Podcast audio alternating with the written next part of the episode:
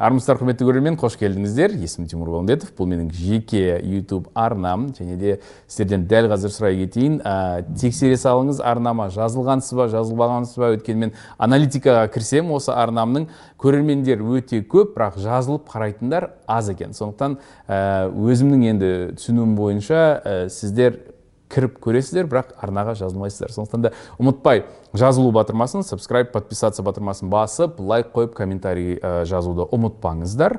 Және де бүгін бізде ә, комментарий жазатындардың арасында ә, бір конкурс болады. Сіздерге керемет сыйлық береміз. Ол туралы айта кетемін тағы да бір жаңалық. Егер сіздер ютубта отырмай машинада жүргенде спорт залға барғанда аудио подкаст тыңдауды ұнатсаңыздар енді біздің кездесулерімізді сұхбаттарымызды аудио подкаст форматында да тыңдай аласыздар. Барлық немесе ә, балымбетов нүкте ком сайтынан тыңдай аласыздар. Сондықтан да өтіңіздер жазылыңыздар ә, және де жұлдызшаларды басуды ұмытпаңыздар. Бүгін ә, тағы ә, ерекше ә, сұхбат ерекше қонақ ә, және де сіздерге бізге барлығымызға пайдалы әңгіме болады деп сенемін. Өйткені менің бүгінгі қонағым ә, психолог отбасылық психолог және де өзін қазақстандағы номер бірінші психолог деп ә, атайтын кісі. Біліп отырған шығарсыздар егер де ютубқа инстаграмыма кірген болсаңыздар көргенсіздер. Бүгінгі қонағым ержан мырзабаев. Қош келдіңіздер қош көрдік. Тимур өте қуаныштымын. рахмет шақырғаныңызға. Сізге рахмет сізге рахмет. Келіскеніңізге ту астанадан реті де сәті де келді иә. Ұстап алдым сізді қаладан. Өте қуаныштымын көргеніме біраздан бері сыртыңыздан танимын қарап жүремін бақылап жүремін бірақ енді бүгін осындай керемет мүмкіншілік түсті. Мен де өте қуаныштымын былай бетпе бет көріскенге. Енді онлайн түрде әлеуметтік желіде бәрі бір бірін таниды бір біріне лайк басады комментарий басады yeah. көріп біліп жүреді. Бірақ все таки тікелей бетпе бет қарым қатынас бұл конечно ерекше басқаша. Дәл солай келісемін. Рахмет рахмет. Сіздің шығармашылық жұмыстарыңызды қарап отырамын. Ә, маған ерекше ұнайды. Құрметті көрермендер міндетті түрде барлық YouTube видеоларын интервьюларын подкасттарын көріңіздер тыңдаңыздар менің оқырмандарыма да мен ә, кеңес беремін. Өйткені шын мәнінде байқағаным сіздің интервьюлеріңіз бір психологпен отырған сияқты. Жақсы ашасыз терең кіресіз. Асықтырмайсыз көп пайдалы дүние бар. Рахмет. Психологтан бұндай сөздерді естіген енді ерекше ләззат. Рахмет ержан рахмет. Ә, сіз жұмыс барысымен келдіңіз иә алматыға. Ә, бірақ негізгі жұмысыңыз сіздің сіз бүгінгі таңда психологсыз оның үстіне коучсыз иә басқаларды да үйретесіз. Әлде қалай атайсыз өзіңізді? Мен кәсіби отбасылық психологпын. Онлайн отбасы академиясын негізін қалаушымын. Онлайн отбасы академиясы шеңберінде біз жеке тұлғаларға және кәсіби мамандарды дайындайтын курстарымыз бар. Оқытамыз. Онлайн курс. Онлайн. Оларға кез келген адам қатыса алады. Кез келген адам қатыса алады. Дайын видео сабақтар. Оларды сатып аласыз. Жүктейсіз. Өзіңізге ыңғайлы уақытта оқисыз қарайсыз. Ә, тапсырмалар бар кураторлар бар. Сізге қадағалайды кері байланыс береді тексереді. Және онлайн отбасы академиясының курсын өткен кісілерге біз сертификат береміз. Біз сертификатталған ата ана дайындаймыз. Сертификатталған күйеу сертификатталған әйел. Бес жыл гарантиясы бар. Ертең ұрысқанда ей сен не деген күйеусің дегенде мен мынандай күйеумін деп сертификат көрсетеді ма? Академиядан оқып шыққанмын деп. Сол үшін қатысыңыздар көріңіздер оқыңыздар. Шын мәнінде берген сертификат бұл бір құжат. Құжат жауапкершілік деген сөз. Ол туралы сөйлесеміз. Өйткені ол туралы менің сұрақтарым әлі бар. Ә, мен ә, көрермен үшін айта кетейін сіздің басты мамандығыңыз өзіңіз айтқандай ә, енді бірінші мамандығыңыз ол шет тіл ә, шетел ә, шет тіл иә? Екі тілде оқығансыз ағылшын неміс тілі. Иә. Одан кейін ә, педагогика психология мамандығы. Магистратура. Магистратура ол иә. Кейін өзіңіз тырысып ақшқа барып готман институтында оқығансыз. Ол жақта жұп психологиясы немесе отбасылық иә ол да отбасы психологиясы көбінесе жұптарға байланысты. Жұптарға байланысты екі курс бітіргенсіз. Иә. Білсін біздің көрерменімізде регалиялары бар. Нағыз психолог өйткені өйткені оны айтып отырған себебім қазіргі таңда енді инстаграмға кіріп қалсам шетінен барлығы психолог. Барлығы психолог. Сондықтан да ә, кейде бір ғана курстан онлайн курстан өткен адамдар өздерін психолог деп бір ай екі ай оқыған адамдар психолог деп атай береді сондықтан да ә, айтып кеткеніміз жөн деп санаймын. Ә, бірінші сұрағым сізден ә, сіз өзіңіз отбасылы адамсыз. Иә. иә ә, әйеліңіз бар үш балаңыз бар ғой? Үш балам бар. Үш балаңыз бар бәрін иә. біліп алыпсыз ғой сіз? А? Бәрін біліп алыпсыз ғой енді дайындаламын шамалы иә бірақ енді сіз де салып отырасыз ғой сондықтан анда санда байқап қаламын. Ә, үш балаңыз бар бірақ қателеспесем ә, о басында мына осы әсіресе бала мәселесі сіз үшін әйеліңіз үшін өте ауыр мәселе болған. Иә. себебі үйленгеннен кейін 5 жыл бойы бала көтере алмай ә, және де қиын сәттен өттіңіз ә, тұңғышыңыздан айырылып қалдыңыз қателеспесем. Ә, дәрігерлер өте қиын сізге сондай бір не қойған? Ә, Диагноз. диагноз қойған иә приговор сияқты диагноз иә? Иә. балалы болмайсыз деп. Иә. ә, бүгінгі таңда үш балаңыз бар құдайға шүкір. Керемет иә өте өте қуаныштымын. Бірақ сол сәтке оралатын болсақ қазір көрермен маған ұрысуы мүмкін сен осы қазақтар қазақтар дей бересің. Бірақ бізде біздің қоғамда өкінішке қарай бала көтере алмайды дегенде ә, әйелін тастап кететіндер жеткілікті. Ә, оны отбасы да құптайды. Не қыласың? Басқа әйел бар ғой әйел жетеді ғой. Үйлене салмайсың ба қайтадан? Тастап кете салмайсың ба деген ұғымдар өкінішке қарай жет, жеткілікті. Ә, сізді не тоқтатты?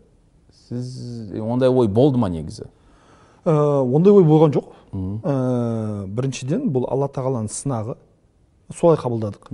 Ә, екіншіден ә, мені әрдайым ұстап, ұстап тұрған ой осындай ойға апармайтын ә, мен әйелімді баласыз жақсы көрдім. Ә, бала жоқта біз бар едік. Мен сені алған кезде бала жоқ еді. Мен сені жақсы көрдім. Сені өзім некеме аманатым ретінде алдым. Ары қарай баланың болып болмауы бұл саған байланысты маған байланысты. Ең маңызды алла тағаланың бұйырғанына байланысты. Сол үшін тастап кету сезімі болған жоқ. Бірақ әйелім үшін ауыр болды. Біз жұмыс істедік оқыдық басқа қалада тұрдық ә, белсенді түрде сонымен айналыстық. Ә, қатты ауыр болды. Қоғамның қысымы бар ғой. қоғамның қысымы туысқандардың қысымы ә, достармен араласа алмау проблемасы бір отырысқа жиынға барған кезде бәрі балалармен. Сенің балаң жоқ ыңғайсызданасың. Сенің отбасылы екеніңді біледі сөйтіп ну орынды орынсыз кейбірде сұрап қалады. А балдар қайда? Неше бала бар? деген сияқты мысалға. «А, жоқ балам жоқ пока жоқ ну, қазірше жоқ енді бұйырса болады деп ә, кішкене ә, еңсен түсіп ә, дауысың бәсеңдеп ыңғайсызданып жауап беріп жатасың соның қысым болды. Соның қысым болды. Ә, бірақ мен әйеліме мынаны айттым. Ә, енді бұл дүниеде ештеңе біз екеуміз енді оқыған білімді адамдармыз. Ә, бұл дүниеде ештеңе жайдан жай болмайды яғни біз жерге қазіргі таңда егер бала болмай тұрса демек біздің қазіргі таңдағы миссиямыз басқаша. Міндетіміз басқаша. Қаншама отбасылар бар бала болған үшін карьера жасай алмайды. Бала болған үшін оқу оқи алмайды бала болған үшін шетелге бара алмайды бала болған үшін бір біріне уақыт бөліп жеке бір қыдырамайды бір киноға бара алмайды. Бала болған үшін шаршап қиналып жүреді бізде бала жоқ біз осының барлығын қазіргі таңда ретке келтіріп алуымыз керек. Сөйтіп екеуміз магистратураға оқуға түстік карьерада тез көтерілдік қатты белсенді түрде жұмыс істедік. Мен ә, 21 жасында ә, мектепке мұғалім болып келдім. Ә, 27 жасында мектеп директоры болдым. Алты жыл жиырма жеті жаста мектеп директоры. Иә, мәссаған. үлкен облыстық дарынды балаларға арналған интернат өзі. Директор болдым. Соның барлығы қалай айтсам баланың болмауы арқасында дейміз ба или бала болмаған кезде өзіміздің фокусымызды энергиямызды басқа жаққа құртуымыз керек. Жоқ нәрсенің артынан жүгіріп депрессияға түспей бар болған мүмкіндікті пайдаланып соған кірісуіміз керек. Және қашан біз сол фокусты өзгерткен кезде күтпеген жерде болады. Өйткені бала бұл алла тағаланың сыйлығы. Сіз сыйлықтың қашан болатынын не болатынын біліп тұрсаңыз сыйлықты көп қадірлемейсіз. Менің ойымша көп ата аналар қазіргі таңда баланы сол үшін қадірлемейді. Өйткені бала бір завод сияқты а, үйленді тоғыз айдан кейін бала болды деген сияқты. Ал баланы бір жыл екі жыл бес жыл күткен отбасылар бала басқаша дайындалады. Екіншісі ә, мен, мен бұны көп еш жерде айтқан жоқпын сіз қайдан тауып жүрсіз информацияны. Айттыңыз айттыңыз. Айттыңыз ба? Иә бір жерде айтып қойдыңыз. Ә, ну интервьюде точно айтқан жоқпын. Екіншісі мен ә, әке болудан қорқатынмын о бұл өте маңызды нәрсе. Иә. Өйткені балалық шағымда өскен кезде ересек жаста ә, кішкентай балдарды мен жақсы көрмейтінмін. Құрдастарыңызды. Жоқ басқа біреудің кішкентай біреу балалары біреу а біреу болды болды біреу болды. балдарды кішкентай бала жақсы аха. даже ана бір достарымызбен жиналып қалған кезде кішкентай жылайды жүгіреді өйтеді не істеп жатрсың біртүрлі бір ыңғайсыз сезінетін. Ә, біздің мектепке мысалға әріптес мұғалімдер балдарын алып келеді. Сөйтіп бойдақ мұғалімдер ағалы ретінде ол ойнайды алысады күреседі. Мен біртүрлі қарайтынмын біреудің баласы не керек бар деген сияқты. Сол кезде өзімнен қорқатынмын. Ертең мен әке болсам қалай әке боламын? Бойдақ кезімде соны ойлап жүрмін. Әке болсам қалай әке боламын? Өз баламды қалай көтеремін? Өз баламды қалай еркелетемін? Былай ойнап тұрған біртүрлі ғой деген сияқты. Өзім әке болудан қорықтым. Ал төрт жыл бес жыл баланы күткеннен кейін бір жағынан саналы түрде мен әке болуға дайындалдым әке болуды аңсадым әке болуды күттім әке болуды армандадым ұмтылдыңыз? Ұмтылдым соған. Және соның бір пісу кезеңі ретінде ә, отбасылық өмірге алдағы жалпы өміріме өте қатты зор бір әсері болды деп ойлаймын. Кітап оқыдық курстарға қатыстық дайындалдық әкелікке дайындалдық. Бірден болған кезде мүмкін осылай болмайтын еді. Сондықтан ә, өмірде еш нәрсе жайдан жай болмайды. Әр нәрсені бір мүмкіндік ретінде қарау керек. Тек қана соның ішіндегі сол мүмкіндікті көре алған кезде адам әрбір жағдайда дами алады деп ойлаймын. Рахмет. Ә, жаңа ә, енді сіздің тарихыңыз сондай болды ғой иә сіздің оқиғаңыз. Ә, менің өкінішке қарай ондай таныстарым бар. Бала көтере алмай жүрген ә, үйленгендеріне біршама жыл болды өздері де қиналады. Осындай ситуацияда болған ә, ер адам әйелін қалай қолдай алады?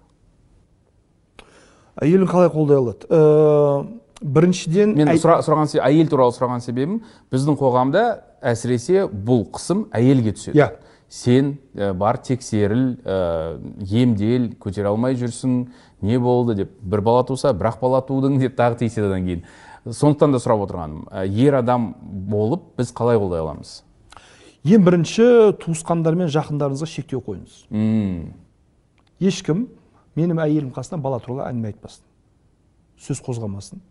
Біз кішкентай бала емеспіз болу үшін қолымыздан келген барлығын істеп жатырмыз сіздің әрбір сұрағыңыз әрбір сөзіңіз әрбір былай айтқан кезде даже бір намегіңіздің өзі психологиялық тұрғыдан бізге ауыр тиеді әйелімді ең бірінші содан қорғайды дедім қорғадым мен сол қорғау керек деп ойлаймын сөйлестіңіз иә шекара қойдыңыз шекара қойды ешкім айтпайды ешкім бұл тақырыпты көтермейді болды үлкен кісілер де тыңдады ма тыңдады мхм неге тыңдамайды бұл менің жеке қалауым ғой менің жеке қалауым егер бұл жағдай маған ауыртпалық тигізетін болса мені жақсы көретін мені сыйлайтын адамдар тыңдайды. Мхм. Тыңдатқызу керек. Әйеліңізге соны істе- екіншісі ә, әйеліңізді қаншалықты жақсы көретініңізді айтып отырыңыз.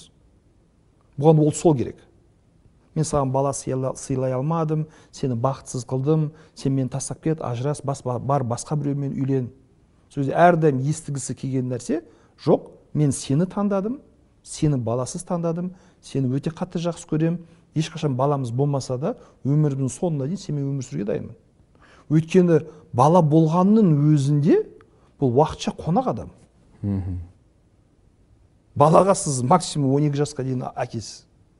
12-13 жаста жасөспірім кезеңге келген кезде переходный келген кезде бала болды ойы ә, на- ойының барлығы көше болады. Достары Назары, құрбылары иә. назары ойы. Отыра алмайсың сол 12 жыл. Мхм ары қарай университетке кетеді ары қарай үйленеді ары қарай отбасы. Болады бәрібір де ертелі кеш пе мынау қалай сіз баласыз қосылдыңыздар? Бала болғанның өзінде ақыр соңында баласыз қаласыздар. Әр күйеу қыздың күйеуі болады ә, ұлдың әйелі болады деген сияқты иә біз бәріміз бір шаңырақта өмір сүреміз бір жерде тұрамыз бір бірімізге келеміз. бірақ ол бала сияқты болмайды уже. Ол алдына өз алдына бөлек отбасы болады. Осыны айту керек. Бала болған кезде де бөлек болады бала болмаған кезде де бөлек кетеді. Біз екеуміз бірге боламыз. Осы нәрсені жиі жақсы көретінін айту керек екіншісі ә, психологиялық тұрғыдан ә, жағымсыз ситуацияға фокус болған сайын ә, депрессия арта береді. Әйеліңіздің назарын аударыңыз. Жұмысқа тұрғызыңыз оқуға тұрғызыңыз іс беріңіз тапсырма беріңіз қайырымдылық іс шарамен айналыссын. Яғни өйткені ә, кейбір әйелдер үшін балалы болмау бұл бір комплекс бір кемшілік ретінде әрине әрине. Яғни бір қоғамда бір керек емес бір аяқ қолы жоқ бір инвалид сияқты санайды өзін тіке тұрғысыз иә. Иә. Осы тұрғыдан а ол егер қоғам үшін пайдалы дүниемен айналысатын болса жұмысқа барып жатырмын қайырымдылық іс шараға айналысып жатырмын біреуге көмектесіп жатырмын ғылыми жұмыспен айналысып жатырмын оқып жатырмын білім алып жатырмын а мен қоғамға пайдамды тигізіп жатырмын мен бір ат салысып жатырмын. Мен бір күшті нәрсе жасап жатырмын. Осы и ә, бірге жиі уақыт өткізетініңіз мхм. Өйткені ә, ер азамат ретінде сіз жұмыстан кейін демалыс күндері осындай уақыттарда ә, барып бір достарыңызбен кездесіп бір жерде отыра аласыз бір жерде демала аласыз. Ер кісілер арасында там балам бар ма жоқ па не істеп жатыр сондай әңгіме көп бола бермейді. Иә. ха ха хи хи ойын күлкі уақыт өткізеді. Бірақ әйелдің көбінесе ондай мүмкіндігі бола бермейді құрбыларымен барайын десе олардың барлығы балалы әңгіменің сексен пайызы баланың Иә. айналасында ыңғайсызданады. Баласы жоқтар или өзінен қатты үлкен или өзінен қатты кішкентай бір деңгейдегі адамдар табу қиын. Сосын сіз үйде болмаған сайын әйел жалғызсыра береді жалғыз қалдырмай бірге көбірек уақыт өткізсеңіз сол кезде өте жақсы пайдасы болады деп ойлаймын. Өте керемет кеңес. Рахмет рахмет. Мына жаңағы кезеңнен өткенде ә, бала асырау жайлы ойларыңыз болды ма? Оны қарастырдыңыз ба негізі? Қарастырған жоқпын. Өйткені ішімізде ертелі кеш пе бала болады деген бір ой болды. А, сенім болды иә? Сенім болды. Ә, дәрігерлер жоқ десе де диагноз қойса да барлығы қарсы болса да енді бала бұл алланың беретін сыйы бұйрығы. Беремін десе ешкім қарсы тұра алмайды. Бермеймін десе ешкім бере алмайды. Сол үшін қатты қиналудың керегі жоқ. Іште бірақ бір сезім бір үміт әрдайым болып тұрды. Тек қана бағанағы менің өзімнің бір психологиялық дайындықтарым басқа бір маңызды жұмыстар сол жерде карьера жасап жатырмыз. Мен мұғаліммін басқа қалада жұмыс істеп жатырмын балдармен айналысып жатырмын білім саласында қызмет етіп жатырмыз. Соның барлығын ескере отырып қазір уақыт емес. Бірақ уақыты міндетті түрде келеді деген ой болды. Сол үшін баланы асырап алу деген бір ой болған жоқ. Мхм түсіндім. Ә, психологсыз иә? Жұмыс істейсіз басқаларға көмектесесіз ә, олардың ішкі күйзеліс мәселелерін шешуге тырысасыз. Үйге келгенде әйеліңізді де клиент ретінде пациент ретінде қарастырасыз ба? Бір ә, конфликт болса жаным отыр. Что ты чувствуешь деп? Расскажи поговори со мной. Деген нәрселер болады ма? Әлде сіздер қалай шешесіз үйдегі осындай конфликттерді психолог болмай. Он- ол мүмкін ба негізі? Сізге тек қана сол әйелімнің күйеуі боламын қазір деген нәрсе? Ә, мүмкін және мен оны істеймін. Мхм. Кейде үйде ашуланамын. Маған айтады сен психолог емессің неге ашуланасың дейді сөйтіп психолог менің жұмысым деймін. Иә періште емеспін. Мен менің болмысым емес. Періште емеспін. Мен де адаммын. Ашуланатын кездерім болады ренжитін кездерім болады уайымдайтын кездерім болады деген сияқты ұнатпайтын кездерім болады. Бірақ ә, психологиядан әсіресе отбасы психологиясынан алған білімім ә, сондай ситуацияларда қалай реакция көрсету керектігін үйретеді. Сол қиын кезеңдерден қалай өтуді үйретеді. Сол кризистік кезеңдерде дағдарыс моменттерде ә, рисктерді минимизировать етуді үйретеді. Білім сол. Әйтпесе мен барлық жерде ойнап күлетін ешқандай уайым қайғысы жоқ ретінде қарамаймын. Мен үйге келген кезде мен есік алдында психолог деген өзім былай дипломымды атауымды мантиямды шешіп тастаймын дейсіз ғой. Иә шешіп мен үйде қарапайым адаммын. Мен үйде әкемін мен үйде жармын ә, әйеліммен сөйлесемін. Оны тыңдаймын ол мені тыңдайды кейде бірге ақылдасамыз кеңесеміз. Бірақ ешбір түрде не әйеліммен не баламмен психолог ретінде қарамаймын. Өйткені дұрыс емес деп ойлаймын. Сіз бір кісіге психолог ретінде сөйлесу үшін ол сізге клиент ретінде келу керек. Иә. Ал егер ол сізге клиент ретінде келмей сонымен психолог ретінде сөйлесіп жатсаңыз бұл манипуляция болады. Абьюз ғой. Абьюз болады. А так рычагтарды мен білемін әрине. Приемдарды да білемін барлық адамды өзіме ыңғайлатып көндіру мүмкіндігі де бар. Бірақ бұл дұрыс емес деп ойлаймын. Олар сізге келіп ә, емдеші көмектесші деп тұрған жоқ қой. Иә. ол иә ол бөлек қарым қатынас сол үшін баламен де сондай. Яғни сөйлесеміз әңгімелесеміз кейде келісеміз кейде келіспейміз. Әйелімізбен де сондай ойнаймыз жүгіреміз ренжісеміз ұрысып қалатын кездеріміз де болады. Ол жерде кәдімгідей отбасыда қалыпты жағдайлар. Не болу керек соның барлығын жасауға тырысамыз. Түсіндім. Рахмет. Неге психолог емеспін әйтеуір? Рахмет. Түсіндім. Сіз шешім қабылдаған негізі сіз өзіңіз шымкенттенсіз иә? Шымкент жақтансыз. Шымкенттенмін. Оңтүстік қазақстан қазіргі түркістан облысы ә, мақтарал ауданы Аха. мырзакент деген кішігірім бір қалашық бар. Бұл ә, оңтүстік қазақстанның ең оңтүстігі. Мә. Ең оңтүстік қазақстанның ең оңтүстігінде ә, туылған ә, өскен бала ер бала. Қалайша мен психолог боламын деп шешім қабылдайды. Өйткені бұл бала ә, көп шешімдерді ә, қоғамға қарама қайшы қабылдап үйреніп қалған. ерегісіп. Ерегісіп. Ерегісіп қарсы шығып ә, ну біріншіден ә, барлығы ә, алтыншы сыныпта бастады. Алтыншы сыныпта мен шымкент қаласында қазақ түрік лицейіне оқуға түсемін емтиханнан. Уже интернетте жатып оқу интернатта жатып оқу керек Иә. жатақханада ауыл 300 километр қаладан. Сөйтіп бүкіл туысқандар айтады кішкентай бала алтыншы класс қайда барады? Қалада бұзылады айдалада үйде отырсын бармай ақ қойсын. Ауыл мектебін бітіріп адамдар адам болып жатыр дейді. Сол кезде ә, анам алла разы болсын ешкімді тыңдамайды жоқ бұл бала оқу керек бұл бала бару керек бұл бала өсу керек ауылда болмайды бұндай мүмкіндік болмайды сөйтіп ешкімге қарамай ешқандай материалдық қиындықтарға мойымай алады да мені қалаға жібереді. Қаншама әңгіме болады. Вот баласынан құтыла алмай жатыр жіберді. Ағайындымыз мысалға. Ә, не істеп жатыр деп. Өзі мұғалім. Ел не демейді деген осы ғой. Вот вот е- ел не демейді наверное ә, анамның сондай бір мінезі бар. Аха. Бір нәрсенің дұрыс екеніне сенген кезде ел не дейді не демейтініне қатты қарамайды. Берілмейді иә иә. Ту- тура сол сияқты мен мектеп бітірдім мысалға мен мұғалімдік таңдадым. Мхм. Мен мұғалімдікті біліп тұрып таңдадым. Менің бүкіл құрбыларым экономист финансист бизнесмен менеджер мұнайшы ол кезде өте ә, мұнайшы екі мың екінші жылдар мұнай таңдап жатқан кезде мен мұғалімдік таңдадым. Сол кезде де туысқандар қарсы болды ол кезде анам қарсы болды. Қайдағы мұғалім мен өзім мұғаліммін не істеп жатрсың не керек бар? Қоя сал бар төрт тіл білесің лицейде оқығансың білімің бар шетелде оқы деді. Жоқ мен мұғалім болғым келеді. Маған балалармен жұмыс істеген ұнайды сабақ берген ұнайды үйреткен ұнайды. Сондықтан мен мұғалім болғым. Және қоғамға пайдалы. Яғни ең білімді сапалы кадрлардың бәрі жоғары кете беретін болса балалар кім тәрбиелейді. Мхм. Сондай оймен мен ешкімді таңдамай мұғалімдікті таңдадым. Мұғалім болып жүріп одан кейін мынау ә, мектепте жұмыс істеп жүрген кезде уже заучпын директормын. Мынаны байқаймын. Ә, мектептегі балалардың жүріс тұрысы көп жағдайларда отбасыдағы қарым қатынасқа байланысты. Мхм. Бізде лицейде андай практика болады ата аналардың үйлеріне бару. Ата аналардың үйіне барамыз танысамыз сөйлесеміз тұрып жатқан ортасын көреміз. Бүкіл балалардың үйлеріне барамыз. Және қараймын да ата анасы баламен қалай сөйлеседі? Ата ана ерлі зайыпты бір бірімен қалай сөйлеседі? Үйдегі атмосфера қандай? Аура қандай? Және сол мектеп сол баланың мектептегі жүріс тұрысы қандай өмірге бақытты қуанышты балдар бар. Жақсы оқымаса да мәз өмірге. Иә. Риза такой ә, мейірімді жақсы добрый балдар бар. Постоянно қырсығып қабағы түйіліп жүретін балдар бар. Қорқып ынжықтанып жүретін балдар бар. Агрессивті балдар бар. Және сол параллельдерді көре бастадым. Мхм кейін мынандай ой түйінде- түйіндедім. Демек мәселе баланың қай мектепте оқып жатқанында емес. Мхм мәселе баланың қай отбасыдан шығып жатқанында күнделікті қандай отбасыдан шығып жатыр. Үйдегі климат. Үйдегі климаттан ә, өйткені отбасы баланың өмірінде фундамент қалайды.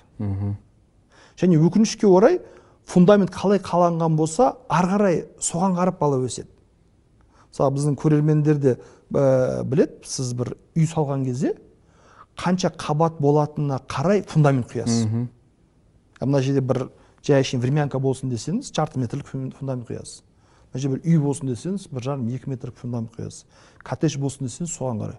Жоқ бір үлкен бір небоскреб болатын десеңіз соған целый котлован қазасыз иә.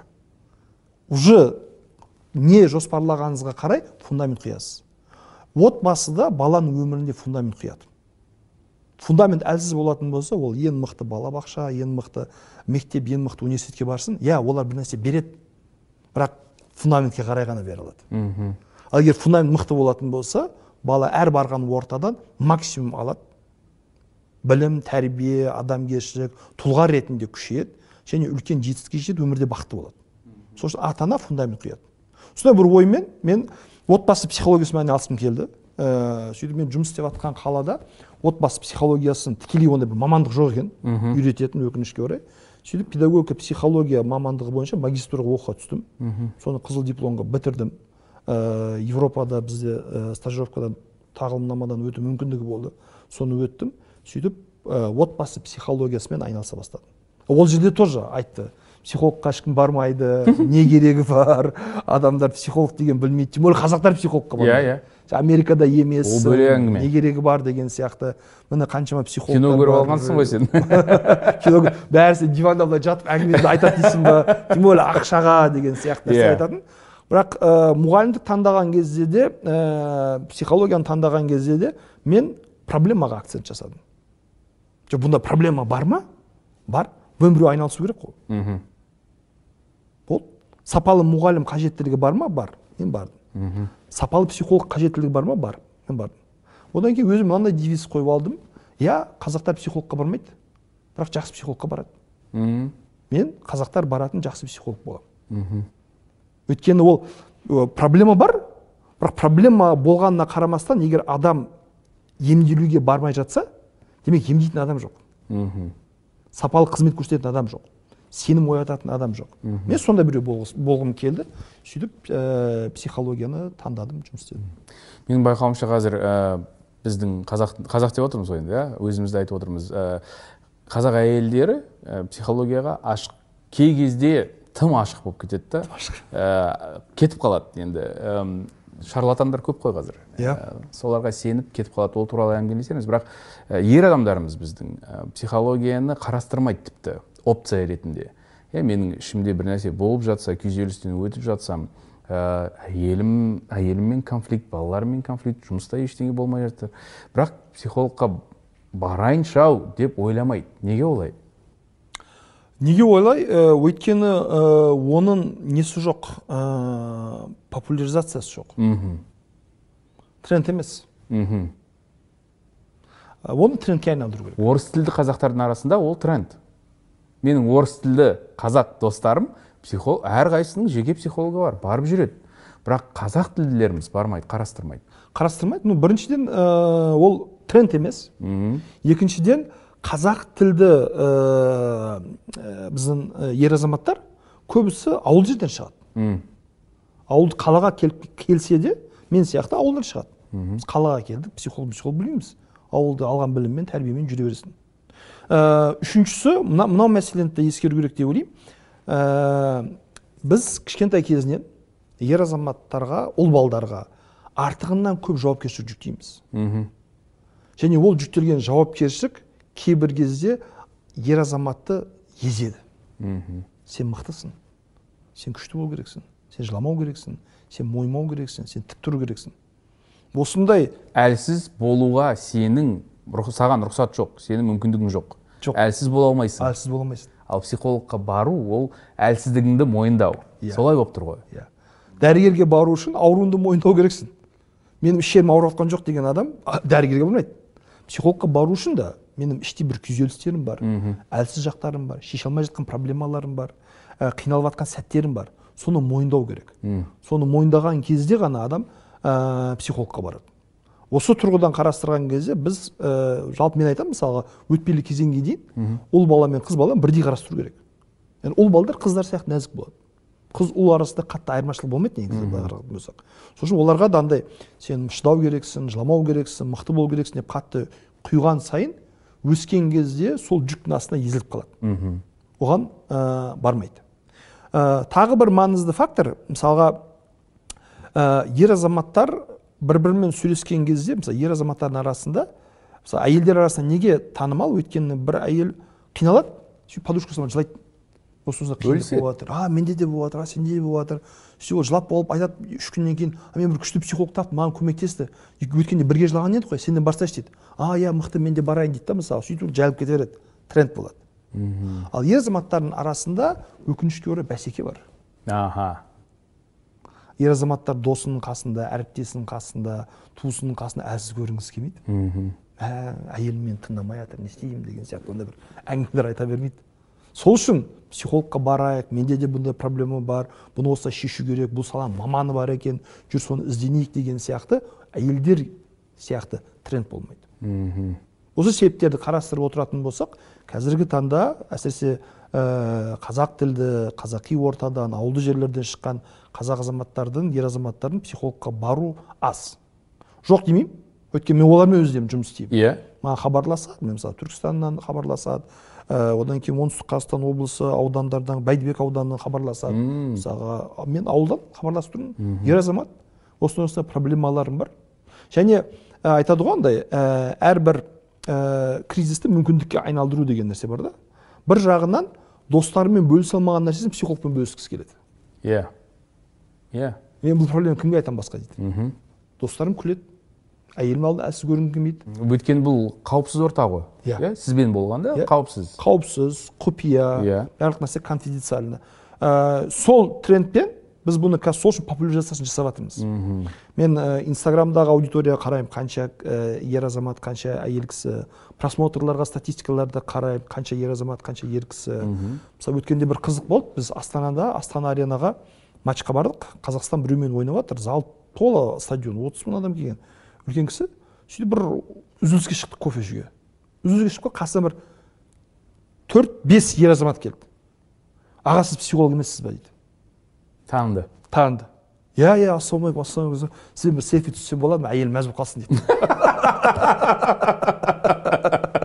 кім айтады қайрат нұртас айтады маған барлығы маған жақындап суретке түсейікші менің мамам сізді тыңдайды дейді сол сияқты болу әйел әйел мәз болып қалсын сөйтіп тыңдайды кейде терцелерде лифттерде адамдармен кездесіп қаламыз ассалаумағалейкум амандасады мен сіздің видеоларыңызды көремін біраз жақсы ойлар түйіп жатырмын. Отбасылық өміріме жақсы өзгерістер енгіздім рахмет дейді. Мхм. Кәдімгі тірідей дайректке келіп жатқандар комментарий жазып жатқандарды оларды бөлек айтамын. Демек осыны жайған сайын айтқан сайын сапалы контент болған сайын ол міндетті түрде Тарайды. өз адресіне жетеді. Мхм. И ә, соңғы нәрсе наверное ә, ә, андай әйелін тыңдамайтын еркек жоқ. тыңдамауға соңына дейін шегінуге тырысады. Немесе тыңдамайтын сияқты көрінуге тырысады. Бірақ барлық еркектер әйелдерін тыңдайды. Бұл өте ә, қиын сабақ негізі. Қаласаңыз да қаламасаңыз да тыңдайды. И анау ә, әйелдерден андай кейде спамдар кетеді. Мына психологты тыңдашы мына видеоны тыңдашы мынаған бір қарашы. Мына жақта күшті нәрсе біреуіне жоқ дейді екеуіне жоқ дейді үшіншісі ту надоел жарайды мақұл қарадым дейді. Төртіншісіне о нормальный нәрсе айтып жатыр екен бесіншісі уже бірге қарап отырады. Бірге қарап отырады. Сол үшін яғни бұл қоғамда бұндай бір қажеттілік бар. Жан жақты жұмыс істегеннен кейін бұл да бір трендке қалыпты жағдайға айналады. Мхм. Қызық болды бүгін таңертең тәтем маған бір видео жібереді. Ә, ол ә, видео бір нарезка. Оның ішінде ә, зейнеп ахметова апайымыздың сөзі ә, қазақтар о басынан ұлдарын басынан сипаламаған тек қана арқасынан қаққан өйткені басынан сипаласа бала ә, жұмсақ болып өседі деген нәрселер айтылып жатыр да соны маған тәтем жібереді. Сен ұлың бар ғой деп. Сен осылай өсір ертең батыр болады деп. Мен түсіндіремін тәтеме біз ә, жай ғана біреуге ұнайтын батыр біреудің жұмысын істейтін жұмысшы емес біз тұлғаны өсіріп жатырмыз және де бүкіл махаббатымызды сүйіспеншілігімізді бұл балаға береміз. Ә, бірақ ондай әдіске сенетіндер әлі де көп иә? Ұл баланы тек осындай стереотип қой тек осылай ә, тәрбиелеу керек. Ұл бала боксшы болсын спортсмен болсын. Иә иә иә картист құдай сақтасын әртіс болса немесе суретші болса қайғы ана жақта енді біздің ұлымыз ә, боксер болмады. Генаның артынан ермеді деген нәрсе. Өзгеретін нәрсе ма бұл? Негізі ә, бұл стереотип білмеймін. Ә, біз бұны тіпті үйреніп кеттік. Біз біздің менталитетіміз деп атаймыз бұны. Біздің ментали- менталитетте ұлдарды осылай тәрбиелейді деп айтамыз. Дұрыс па? Бұрыс па? Өзгерту керек па? Тырысу керек па? Әлде қала берсін ба? Ә, бұрыс. Әлі дұрыс емес. Ә, және біздің менталитет біздің менталитет деген ұғымда проблема бар. М, біздің менталитет деген не ол? Ментальность деген не ол жалпы. Біздің менталитет дегеніміз немесе кейбір кезде біздің салтымыз дәстүріміз деп шатастыратындар бар. Иә. Біз қазақтың салт дәстүрін қазақтың менталитетін советтік салт дәстүрмен советтік менталитетпен көп жағдайда шатастырамыз. Өйткені біздің салт дәстүр деген адамдар мен сен кімнен көрдің деймін? Әкемнен көрдім дейді әкең қай кезде өмір сүрді? Совет өкіметі кезінде өмір сүрді. Күн ара арақ ішетін кездерде ол қайдан көрді? ол әкесінен көрді. ол қай кезде көрді? Ол да совет өкіметі кезінде өмір сүрді. Яғни соңғы жетпіс жыл иә. жетпіс жыл деген сөз үш поколение деген сөз. Менің әкем оның әкем оның әкесі. Демек біз қазақшылықты іздейтін болсақ жүз жылды ортадан алып тастап кейін барып іздеу керек. Ал мен әкемнен көрдім атамнан көрдім мынандай әрекеттер көрдім мынандай әрекеттерді соны қазіргі таңда ә, құюға тырысамын деген дұрыс емес. Советтік салт дәстүр мен қазақи салт дәстүр мүлдем басқа нәрселер. Мхм. Советтік салт дәстүрде адамды сындыру қыру жою бар. Және тұлға болдырмау. Тұлға болдырмау Өйткені тұлға ол ойламау қауіпті. пікір айтпау Иә. ойланбау Иә. шығармашылықпен айналыспау креативті болмау бар. Авторитарлы тоталитар режим бар. Әкесі жұмыста не көрсе үйде соны істейді. Сен азаннан кешке шейін бет алды жаман боғауыз сөзбен атайтын болса адам құрлы көрмейтін болса үйде қалсаң да қаласың оны істейсің. Адами қарым қатынас кәдімгі жоқ. Оны көрген бала а менің әкем осылай істеп жатса демек біздің қазақтың салты осы дейді. Өкінішке орай советтік салт дәстүр советтік менталитеттің кесірінен қаншама қазақ жастары қазақ болудан ұялады. Қазір құдайға шүкір өзгеріп бара жатыр. Қазір біздің осы буынымыз иә жас Иә. буынымыз. Бірақ рас так кезінде ол шетелге шыққаннан кейін ойбай өмір деген мынау біз қалып кетіпсіз анау мынау деп қарайтын еді мысалы ал ә, қазақи салт дәстүрге келетін болсақ қазақи салт дәстүрде барлық нәрсе заман талабына сай сол кезде қажетке сай және баланста болған. Иә баланы еркелететін кезде еркелеткен ойнайтын кезде ойнатқан уақыт өткізетін кезде уақыт өткізген. Мысалы айтады да ә, сіз енді америкада оқыдыңыз батыстың психологиясы мен қазақтың психологиясы әртүрлі дейді айтамын түсінбейсіз. Мен айта- мен айтамын да психология бұл бір ғылым деймін. Математика бір ғылым ғой. Сіз айта аласыз ба мати- американың математикасы басқаша қазақтың математикасы басқаша. Американың математикасына екі қосу екі төрт қазақтың математикасына екі қосу екі бес. Жоқ қой екі қосу екі барлық жерде төрт. Иә. Бірақ не айырма менталитет деген не? Мысалы психологияда не дейді? Балаңмен күнделікті уақыт өткізу керек дейді. Бұл бір заңдылық. Өткізбесең қарым қатынас болмаса тәрбие бере алмайсың. Балаң сенен ұзақтап кетеді ә, алшақтап кетесің бір біріне эмоционалды жақындық құрылмайды. Заңдылық па заңдылық? Бұл психология айтып жатыр. Менталитеттегі айырмашылық не? Американың әкесі психологияны осыны оқып алады да барып баласымен бейсбол ойнайды. Иә. Қазақтың әкесі матчқа апарады хот дог алып береді бірге уақыт өткізеді. Қазақтың әкесі осы ғылымды оқып алғаннан кейін не істеу керек? Баламен асық ойнау керек садақ ату керек атқа мінгізу керек. То есть менталитет ол ғылымның исполнениясындағы айырмашылық. Бейсбол бізде жоқ біз ойнай алмаймыз. Иә. асық оларда жоқ ол ойнай алмаймыз. Бірақ мәселен принцип принцип. Принцип не? Иә. баламен уақыт өткіз. Е мен американецтер сияқты баламен бейсбол ойнамаймын. Сөйтіп баламен сөйлеспейсің уақыт өткізбейсің араласпайсың бала мен ата ана арасында бір километр алшақтық. Бір бірімізді түсінбейміз. Одан кейін қазақстан дүние жүзінде аж- ә, балалар арасында суицидта төртінші орында. Біз ғылымды алуымыз керек та менталитет өзінше істе өз ойынша істе деген сияқты. Сол қазақтарда сондай бар. Және ә, рухы биік және еркіндік ешқашан қатыгездікпен болатын нәрсе емес. Егер біздің ата бабаларымыз осыншама жерді сақтап қалған болса бір жағынан ресей империясы бір жағынан қытай сияқты мысалы алпауыт елдердің арасында осыншама территорияны сақтап алған болса бұл әкелердің балаларына деген қатыгездіктен емес. Авторитарлы емес иә авторитарлы емес авторитетті. Аха. Баланы махаббат сүйіспеншілік көрсеткен бала өзіне сенімді болған бала еркін ойлы болған. Еркін болған адам анаған да мынаған да любой көршісіне әңгіме айта алады. Қарсы тұра алады ал постоянно жиг, постоянно жігіп ұрсып теуіп төменістіп ешқандай мейірім көрмеген балалар қатыгез болады. Қатыгез адам қорқақ болады.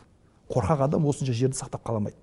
Сол үшін мен ойлаймын біздің ә, қазақтың тарихы салт дәстүрі әлі де ә, дұрыс деңгейде зерттелмеген. Зерттелмеген.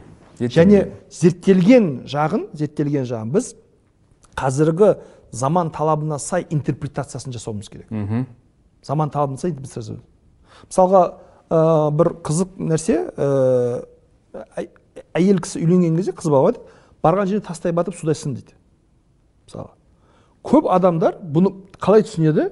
Сен барған жерінен өлігін шығу керек шықпау керек қалу керек тұру керексің отбасыңды ұмыт. ұмыт бәрін сол жақта бақытты қылу керексің деген Иә. сияқты нәрсе қарайды иә? Ал және сен қызмет етуге келдің. қызмет етуге келдім деп. Тастай батып судай сын иә. То есть ол соның соның бір бөлігі болып кетті бірақ мәселенің түбіне қарайтын болсақ ә, тастай бату үшін түскен жерін судай жұмсақ болу керек. Судай сынып кету үшін барған жерің топырақтай құнарлы болу керек.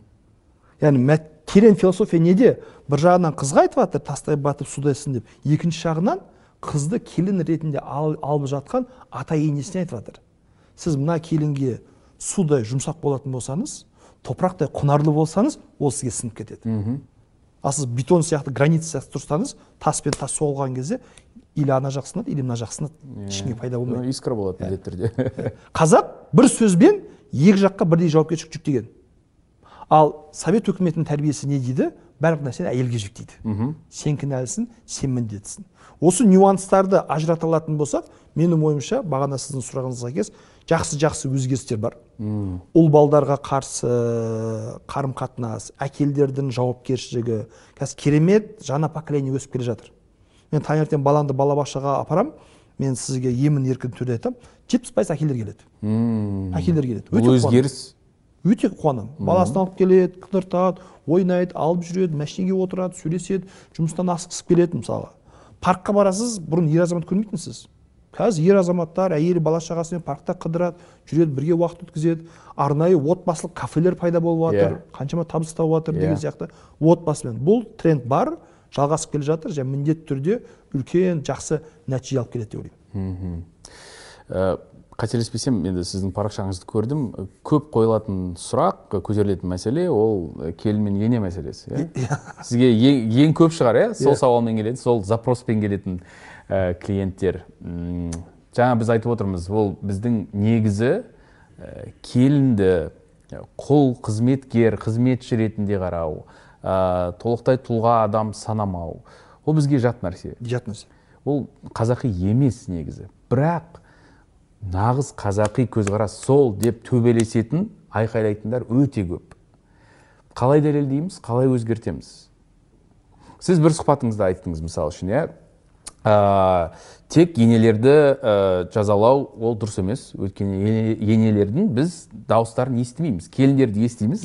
Соцсети ә, инстаграмнан әлеуметтік желілерден ә, мамаларын ә, не енелерін естімейміз. Өйткені олар ондай отыра бермейді жаза бермейді видео түсірмейді иә сторис салмайды дегендей. Ә, бір конфликт соның өзінде бар. Конфликт туралы көп естиміз. Мен де ә, нені опросникті салғанымда сұрақтар сол туралы. Енеммен қалай татуласам? Ол кісі мені жақтырмайды. О, бір кісі жазды бір қыз жазды маған. Ә, мен күйеуім 25 жаста мамасының қасында көп жатады ұйықтайды. Ол дұрыс па? Ол салауатты ма деген сұрақ қой негізі. Әрине салауатты емес бірақ ол бөлек әңгіме бұл нәрсені осы қазір біздің уақытта өзгертуге оған ықпал етуге бола ма? Әрине. Мынау ә, біріншіден қараңыз ә, келін ене арасындағы конфликт бұл қалыпты жағдай. Мысалға ә, орыстарда ә, кіммен? Күйеу бала мен ене арасында конфликт бар.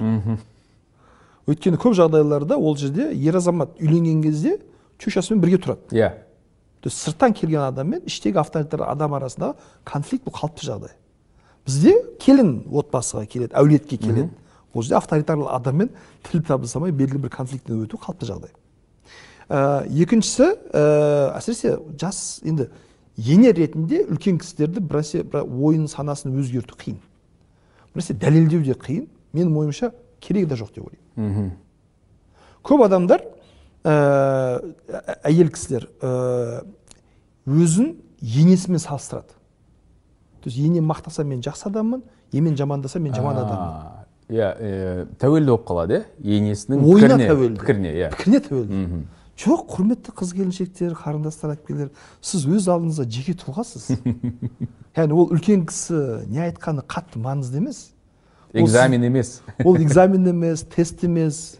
Сіз акцентті енеге салған сайын конфликт проблема ұштана береді. Акцент күйеуге болу керек. Мен күйеумен қарым қатынасым қалай? Күйеу мені әйел ретінде жар ретінде балдардың ата ана анасы ретінде жақсы көреді ма сыйлайды ма құрметтейді ма? Проблема жоқ. Күйеуіңізбен қарым қатынасыңыз жоқ болатын болса тогда енеңізбен проблемаңыз маңызы жоқ. Бірінші мынаны шешу керек. Сол үшін ерлі зайыптар бір бірімен қаншалықты жақын болатын болса сырттағы сөз әңгіме пікір конфликт туындау себептері соншалықты аз болады. Аз болады. Ал қыз келіншектер мен байқайтыным сол енем дастархан басында былай деді. Енем менің үй жинағанымды ұнатпады. Енем менің тамақ істегенімді ұнатпады. Окей. Ол адам ретінде зайырлы мемлекетте өз ойын еркін түрде айтуға құқы бар. А сүйіндегі демократия дейсіз ғой. Сіз ойлайсыз что сіз келдіңіз сізге прям құдай сияқты бәрі табынып а қандай күшті тамақ істедің қандай күшті үй жинадың маған ұнатпауы мүмкін. Жоқ негізі ол критерийдің өзі иә. Үй жинау арқылы өзіңе сондай баға беру өзіңді бағалау тамақ жасау арқылы ол да бір ә, не сияқты дұрыс емес сияқты. И бұның түбінде біз енді бөлек осы тақырып бойынша ә, әйелдермен жұмыс істеген кезде байқайтыным көбінесе анасымен нашар қарым қатынаста болғандар енесімен тіл табыса алмайды. Өйткені енесінің әрбір айтқан критика әрбір айтқан шағым әрбір айтқан жағымсыз сөзі автоматты түрде анасын есіне түсіреді. іштегі жараны ушықтырады иә? іштегі жаған кішкентайда анасы критика жасаған қысым көрсеткен ә, басымдық жасаған сен қолыңнан келмес сен салақсың сен ешкім байға алмайды ертең келін болған кезде қалай жүресің не мынау түрін не мынау тамағың деген сияқты анасы тарапынан қысым қаншалықты көп көретін болса ененің сөзін соншалықты көтере алмайды. Тікелей ассоциация бар. Ал анасымен жақсы қарым қатынаста ата анасынан опять таки толық мейірім сүйіспеншілік алған адам өзін жеке тұлға ретінде қалыптастыра алған өзіне сенімді кісі яғни келін неге стаканды былай қоймадың деген кезде күледі да жарайды апа мен былай қоя саламын дейді. Болды бұны мәселе қылмайды. Сен келін неге тамақты былай істемейсің? Жақсы апа давайте бірге істейік қалай істейік сен маған үйретіңіз дейді да бірге алып кетеді мәселені. То есть шешу қарай әрекет етеді.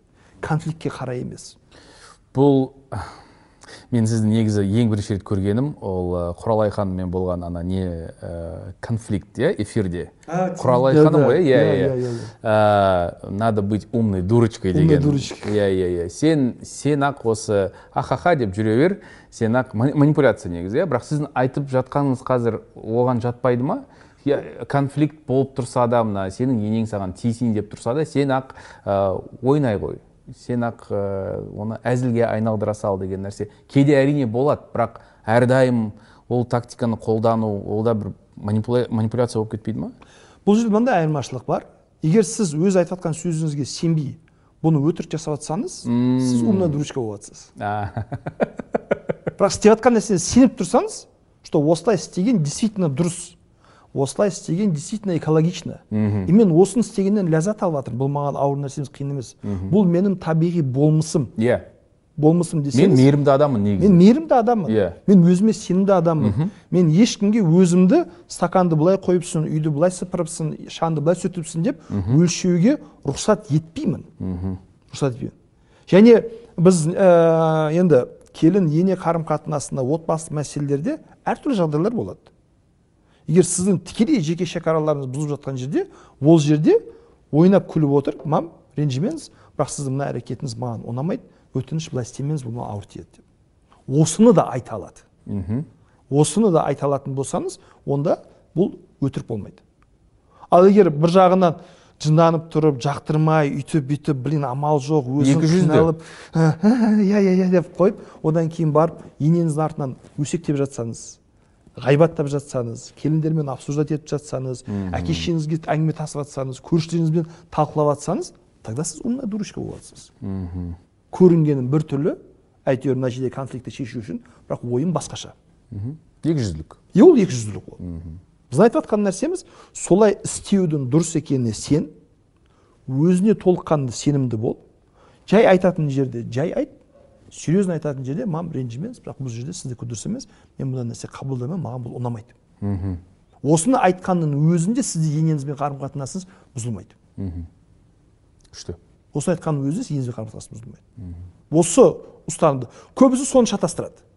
Кейбір психологтар осыны айтқысы келіп тұрады да бірақ мынаған ауып кете береді. Аха. екі жүзділікке кетіп қалады. А кейбіреулер ей екі жүзді көре сал неғыласың ә, ми алжыған кемпір ғой дейді да бірақ өзін қорғау керектігін айтпайды. Ол екі жүзділікке үйретеді ал баланс айтқан нәрсені сен және өзіне сенімді бол. Ол ең алдымен өзіңмен жұмыс істеу ғой. Сен бірінші өзіңді біліп өзіңді сүйіп құрметтеп ә, жатсаң басқа адамды да құрметтей аласың. Иә. Иә басқа адаммен де қарым қатынас тіл табысып қарым қатынас құра аласың.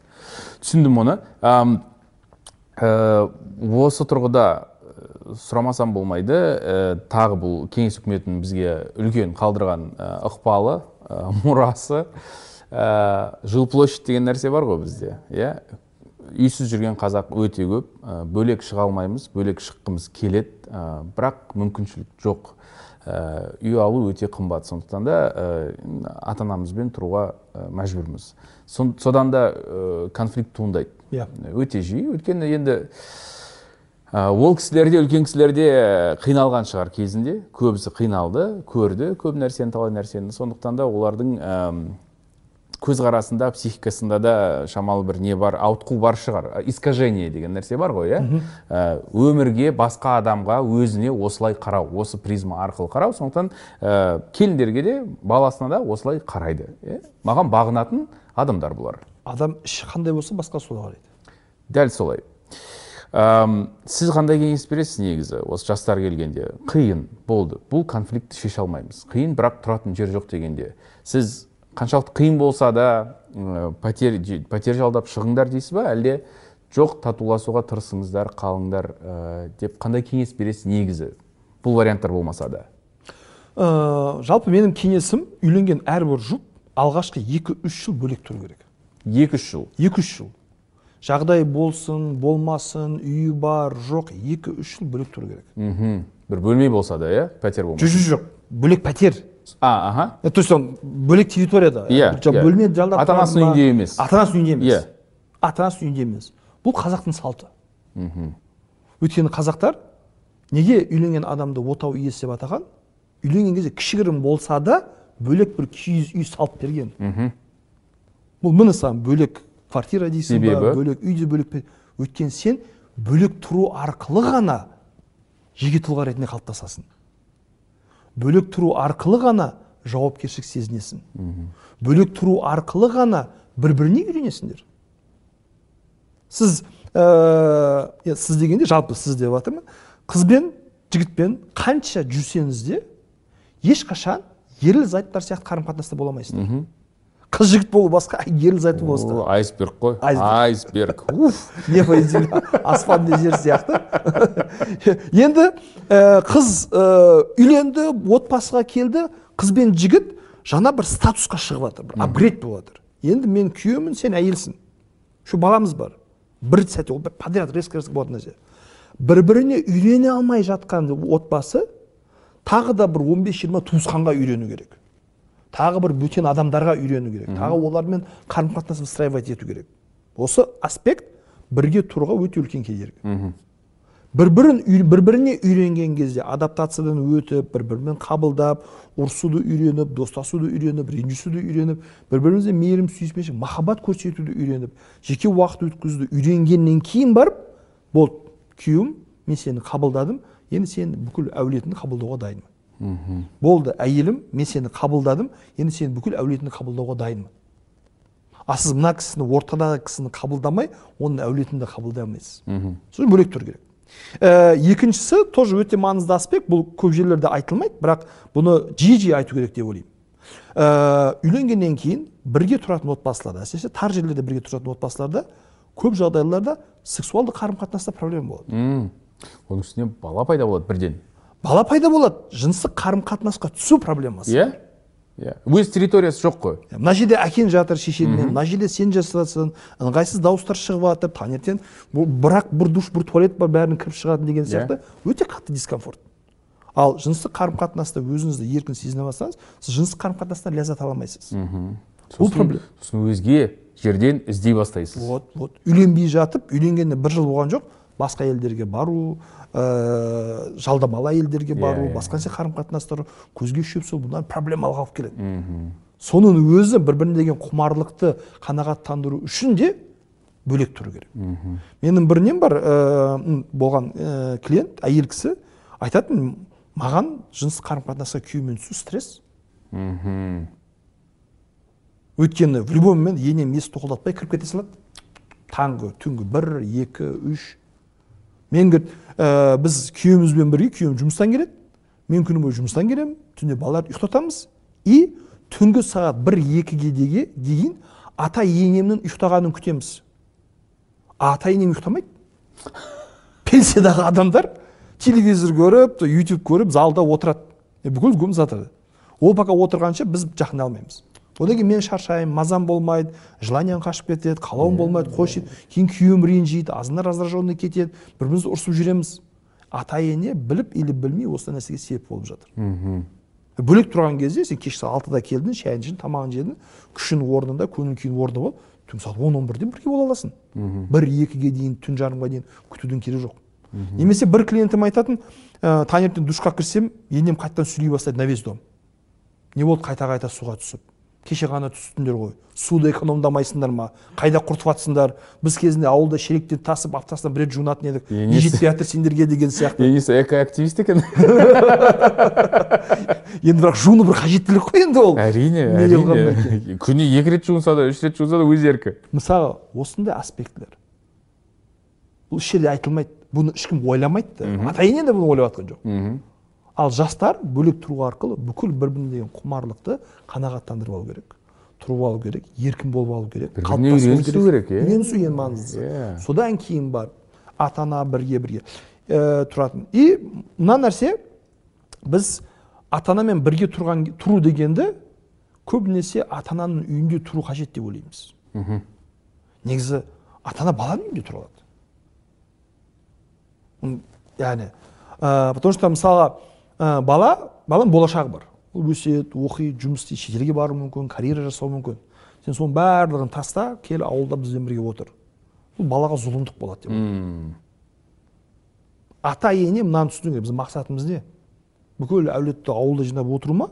Немесе балдарымызбен бірге бақытты болу ма?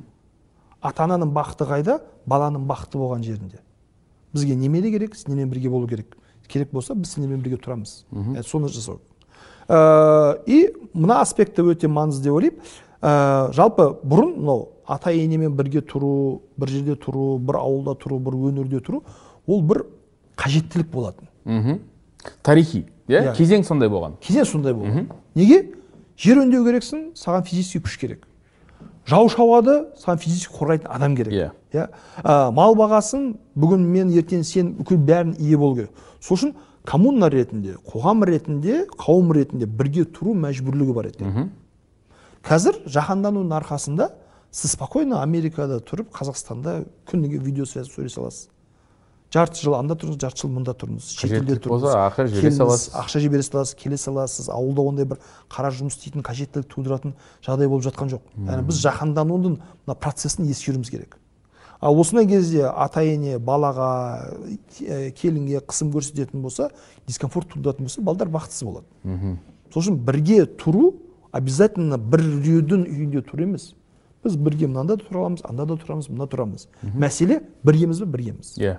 Бақыттымыз ба бақыттымыз күшті уақыт өткізіп жатырмыз ба күшті уақыт өткізіп жатырмыз осыны аламын ал тікелей сіздің сұраққа келетін болсақ ә, менің ойымша ә, андай татуласудың жолын іздеу керек па? Ә, ата анадан бөлек шығу бұл бір конфликт ұрыс керіс емес. Бұны бір қажеттілік ретінде қарау керек. Жоқ бұл ә, не ғой ә, өмірдегі қалыптасқан үйреншікті жағдай. Балалар үйден кетеді. Балалар үйден кетеді. Иә ол естественный нәрсе.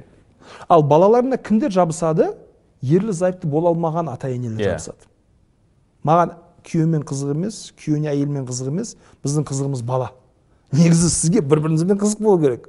Наконец то өсірдік өндік балдар кетті. Ал Уф, енді уф кел екеуміз театрға барайық киноға барайық паркқа қыдырайық фитнеске қатысайық қайырымдылықпен айналысайық кәсіп ашайық санаторийге барайық саяхаттайық айта алмаған әңгімемізді айтайық бір бірімізге махаббатымызды көрсетейік.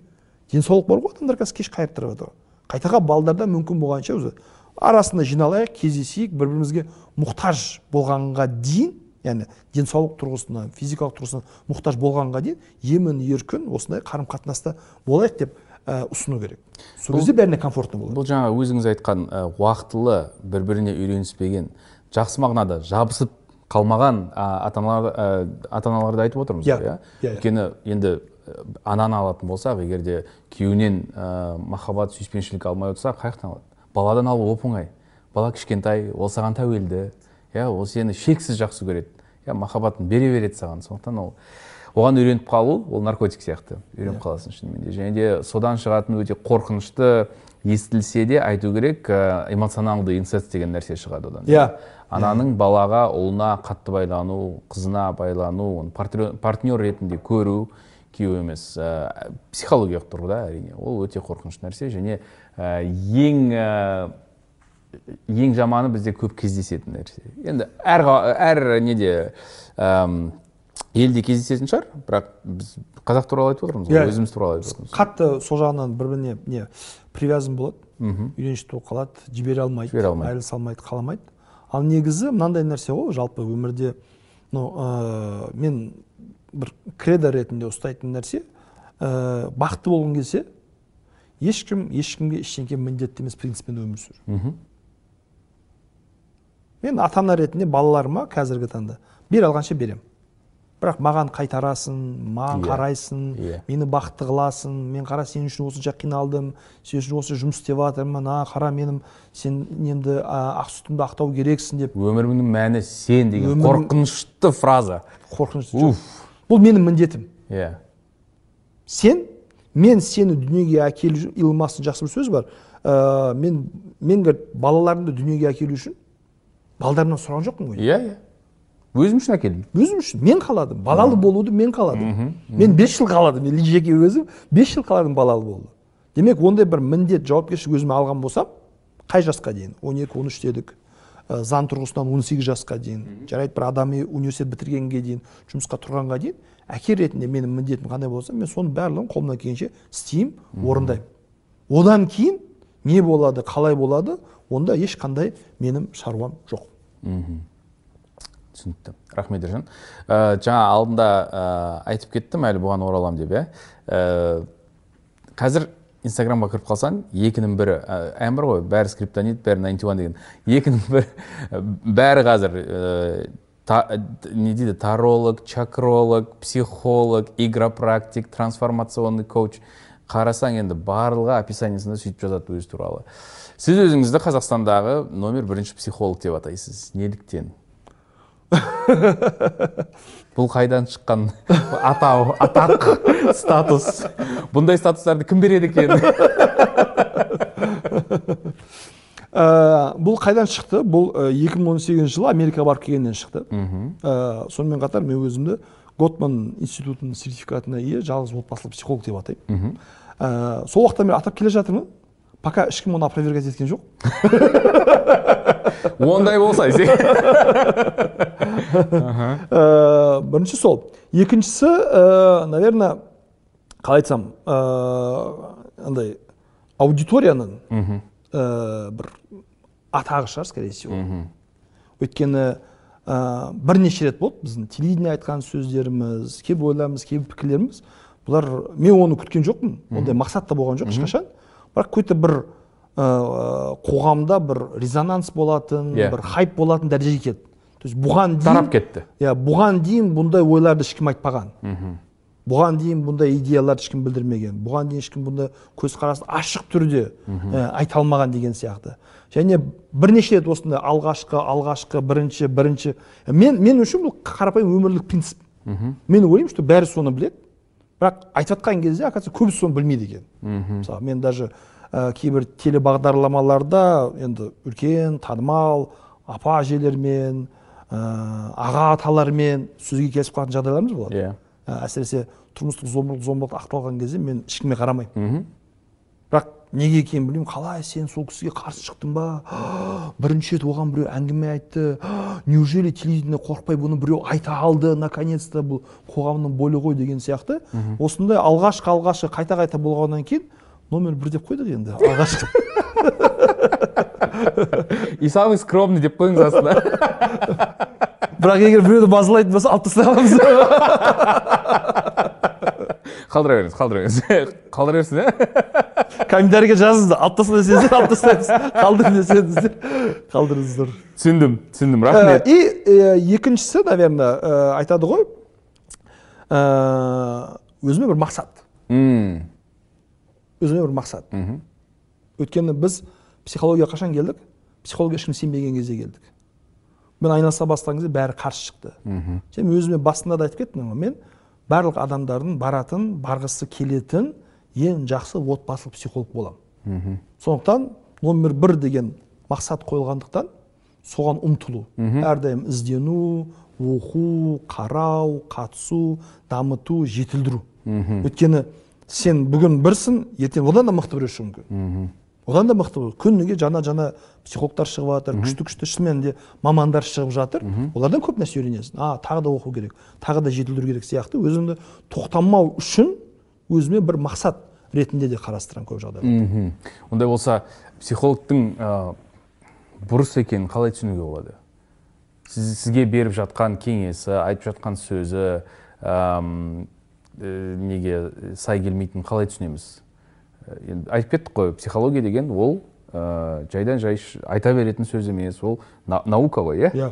Иә айтып кеттік. Қалай білеміз? Мына психологтың айтып отырғаны че то шамалы келмейтін сияқты деген сондай ә, қызыл флагтар бар ма?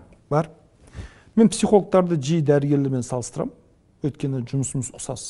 Олар адамның денесін емдейді. Біз адамның жанымен айналысамыз. Жалпы ә, психология сөзінің қазақша баламасы негізі жантану. Жантану Яғни псих жан деген сөз логос наука наука о душе жан тану жан туралы ғылым. Ә, жантану ғылымы. Біз жантанумен айналысамыз. Енді қандай қызыл флажоктар бар? Ә, мысалға әрбір адам маманмен жұмыс істеп жатқан кезде что то не то екенін сезеді. Что то не то. Көңілім толмады. Қанағаттанбадым. Что то айтып жатқан нәрсесі біртүрлі. Сондай кезде барады басқа бір психологпен кеңеседі басқа бір маманға көрінеді.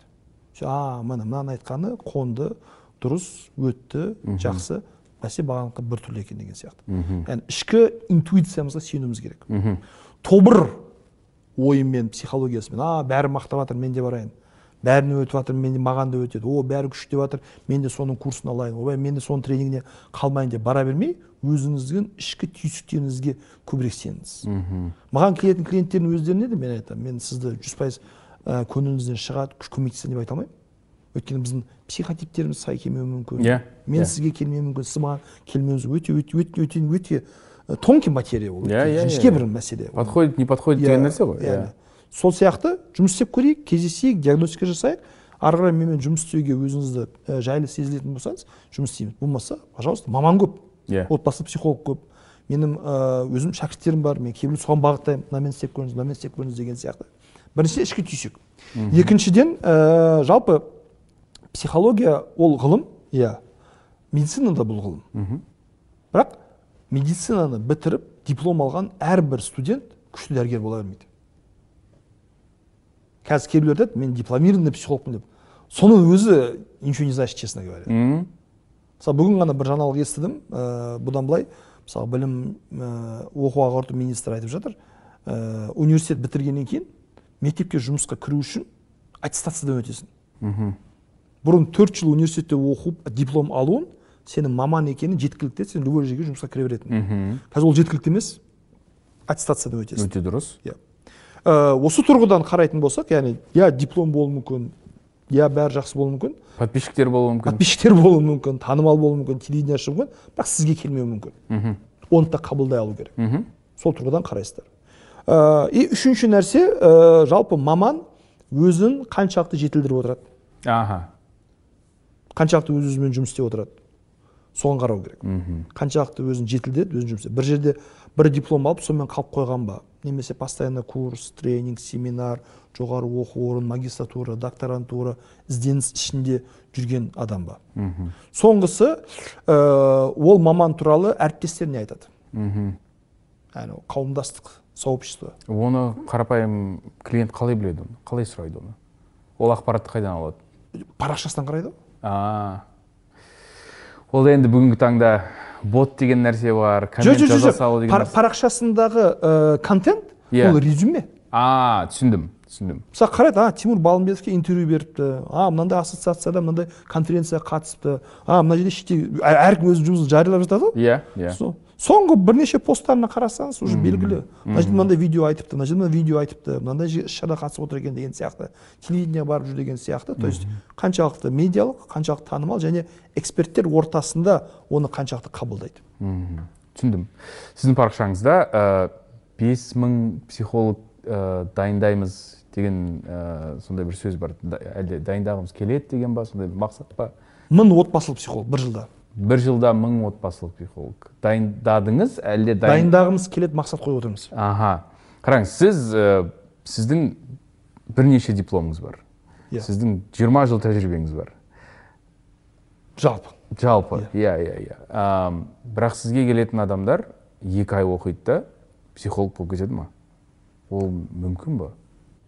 Ә, біз ә, бізде зоп деген курс бар. Зоп заманауи отбасы психологиясы. Зоп курсын өткіземіз.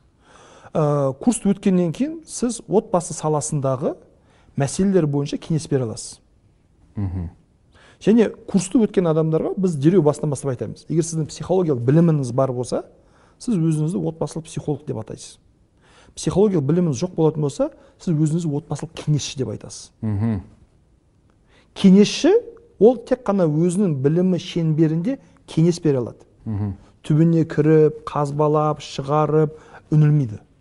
Психолог отбасы мәселесінде түбіне кіру мүмкін қазбалау мүмкін адам ішкі жан дүниесіне балалық шағына кіру мүмкін оның білімі тереңірек болады.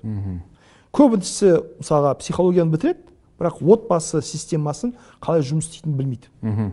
Ол біздің курстан кейін отбасылық психолог деп өзін атай алады. Екіншісі мынандай нәрсе егер де психологиялық білімі болса. Болса болса иә болса және сіздің курсыңыздан Иә, өтсе иә. онда отбасылық психолог деп өзін атай алады. Иә. білімі болмаса онда ол тек кеңесші. Ол отбасылық кеңесші. Аха. Отбасылық кеңесші. Және мынандай нәрсе бар ә, қазіргі таңда ә, біз мысалға психология ғылым ретінде иә терең маңызды жіңішке адамның ойы санасы өмірі ішкі жан дүниесіне кіреді. Ә, не то әрекеттермен бұзып жіберуі мүмкін бірақ кеңесшінің ондай бір функциясы жоқ біз студенттеріміз мынаны үйретеді ешкімді алдамаңдар дейміз маған көбірек клиент келсін мен курсты өттім мен отбасы біз ешкімге отбасылық психолог болды деген сертификат бермейміз заманауи отбасы психологиясы курсын өтті иә ол курсты алады өзіне отбасылық психологпын деп жазады ма немесе отбасылық консультантпын деп жазады ма уже өзінің таңдауы ну біз бақылаймыз чтобы жазбасын деп бірақ Иә. ескертеміз жазамыз. Енді консультанттың міндеті не мысалға консультантқа біз өте мынаны үйретеміз. Ә, ерлі зайыптар арасындағы ә, конфликт туындататын төрт фактор бар дейміз. Осы төрт фактор қарым қатынасты 80 пайызға 85 пайызға нашарлатады. Бұлар а б с д. Сен бұны білесің ба білесің. Сөйтіп кейін клиентке айтады. «Ә, біз жиі ұрысамыз дейді. Хорошо қалай ұрысасыздар? Осылай осылай. Примерно бір сценарий. А сізде бірінші екінші үшінші бар екен дейді. Ол именно осы төртеуін біледі бұны алдын алудың жолын біледі бұл туындаған кезде не істеу керектігін біледі. Сол бағытта білмейтін адамға емін еркін түрде кеңес белгілі инструменттері бар. Белгілі инструменттер бар. И сол сем- инструменттер шеңберінде жұмыс істейді. Инструменттерден тыс бір запрос келген кезде айтады ол менің специалист емес. Мысалға маған ә, бірақ google бар деймін жоқ ә, енді гуглдан оқи салып істей салу деген ол енді әркімнің өз жеке жауапкершілігі. Иә. бірақ сол нәрсе кеңес бермейміз өйткені жоғарыда иә. маман болған. Мысалы, көп адамдар біз қазір андай тонкий специализацияға назар аударуымыз керек. мысалы менде сіз психологсыз ғой дейді да түстер адамға қалай әсер етеді сол туралы интервью беріңізші дейді да. Маған қандай қатысы? Мен отбасылық психолог иә иә иә. Маған вот отбасы қоғам адамдар арасындағы қарым қатынас бала тәрбиесі. Мен основной специалист сол. Немесе шегеге басқан кезде адам қалай әсер етеді соны айтып берші мен қайдан білемін мен оны оқыған жоқпын зерттеген жоқпын. Менің салам емес психологияны біз шектеуіміз керек. Иә. Мысалға біздің курсты өткен мамандардың өздеріне мен айтамын ары қарай өзіңізді узкий специальностьпен дамытыңыз. Просто жетілдіріңіз иә. просто семейный психолог болу жеткілікті емес. Мен отбасылық психолог ажырасулармен ғана жұмыс істеймін. Жыл сайын бізде елу мың отбасы ажырасады. Иә. Міне сізге жұмыс тек қана ажырасумен жұмыс істеймін. Мен отбасылық психолог тек қана подросток балалар мен ата аналар арасындағы қарым қатынас болды. Тек қана сонымен жұмыс істеймін. Специализируюсь мен отбасылық психолог бір ә, алғашқы үш жыл үйленгендермен ғана жұмыс істеймін. Ене келіп бір вопросты алыңыз сол бойынша тереңдеп тереңдеп қазынып ерекше маман болыңыз. Мен бұны америкада көрдім. Қаншама нәрсе мына бәрін бізде бір адам істей береді ғой дейсің да? Бірақ олар жоқ. Узкий специально узкий специально узкий специально кете береді кете береді кете береді үңіледі соны зерттейді. Біздің мақсатымыз сондай. Сол үшін біздің курсты қалаған әрбір адам өтеді. Ә, дегенмен ә, қалаған әрбір адамды өткен кезде біз заявка қабылдаймыз. Ә, мен өзім жеке интервью өткіземін. Әрқайсысымен? Әрқайсысымен. Мәссаған. Тапсырыс берген адамды қазір мысалы звондап қаншама адам хабарлады. Анкетаны толтырған иә анкета толтырған аты жөнін телефонын қалдырады кім болғысы келеді. Мен телефон звондаймын тыңдаймын. Мамандығы қандай? Психология қатты алшақ болатын болса кешіріңіз біз сізді ала алмаймыз а сонда іріктеу бар. Іріктеу бар. Барлығын ала бермейсіз. Бұны не үшін оқып жатсыз мен осындай осындай бұл салада жұмыс істегім келеді. Жеке өзім үшін оқып жатырмын. Адамдарға кеңес беремін тренинг өткіземін. Сіздің мақсатыңыз біздің мақсатқа келмейді. Кешіріңіз біз сізді ала алмаймыз мхм. Көбінесе атайтын ең басты мақсат қандай? Ең басты мақсаты жақындарыма көмектескім келеді. Мхм. Жақындарыма көмектескім келеді. Ә, немесе ә, екінші ең көп запрос бұл мектеп психологтарынан көп сұраныс келіп жатыр. Мм. біз баламен жұмыс істейміз бірақ баланың 90 пайыз мәселесі отбасыға байланысты. Ата аналар келген кезде отбасы қарым қатынас бойынша көп нәрсе айта алмаймыз. Біліміміз жетпей қалады. Сол үшін отбасы психологиясын оқығымыз келіп жатыр дейді. Ә, бала не ойлайды не істейді оның психологиясы белгілі. Бірақ ата анасымен қарым қатынас үйдегі атмосфера үйдегі атмосфераның балаға әсері деген сияқты нәрселермен тіл табыса алмаймыз. Ой, біліміміз жетпейді. Сол үшін оқығымыз келеді дейді. Осы екі фактор. Бірен саран андай өзім үшін. Мхм маман болып кеңес беріп ондай консультация ақша жасағым келеді. Бірақ өзім үшін оқығым келеді үйренгім келеді білгім келеді дейтіндер бар. Сондай адамдар бірен саран бар. Көбінесе жақындарға көмектесу. Ә, психологпын. И ары қарай Жетілдіру, дамыту. Түсінікті сұраған себебім қазір ә, инфобизнес деген нәрсе тарап кетті ғой. Мен әжем айқайлайды әй цыгандар деп. Инфо цыгандар көп өте көп. Кірсең мына блогер курсын сатады мына блогер курсын сатады мыналар мыналар. А, алам десең көп енді. Сіздікі ондай емес. Сіздікі бұл тек қаржы үшін ғана емес. Істеп отырған басты себебіңіз сіздің. Осы курсты бұл да жұмыс қой енді иә? Курсты жинау керек ә, онлайн лекцияларыңыз бар офлайн лекцияларыңыз бар. Әрқайсысына звондайсыз? Басты мақсат неде сіз үшін өзіңіз үшін? Мен үшін басты мақсат ә, қазақстанда қазіргі таңда мың сапалы отбасылық психолог керек. Әрбір қазақтың ауылында қазақша иә? Иә сөйлейтін. қазақша қазақша қазақша. Әрбір қазақтың ауылында отбасылық қарым қатынасты реттей алатын аз да болса кеңес бере алатын кісілердің барып мен бұл жағдайда не істесем болады деп сұрай алатын бір маман болу керек. Сол кезде ғана бізде ажырасу статистикасы азаяды. Сол кезде ғана бізде отбасылық қарым қатынас институты жақсарады.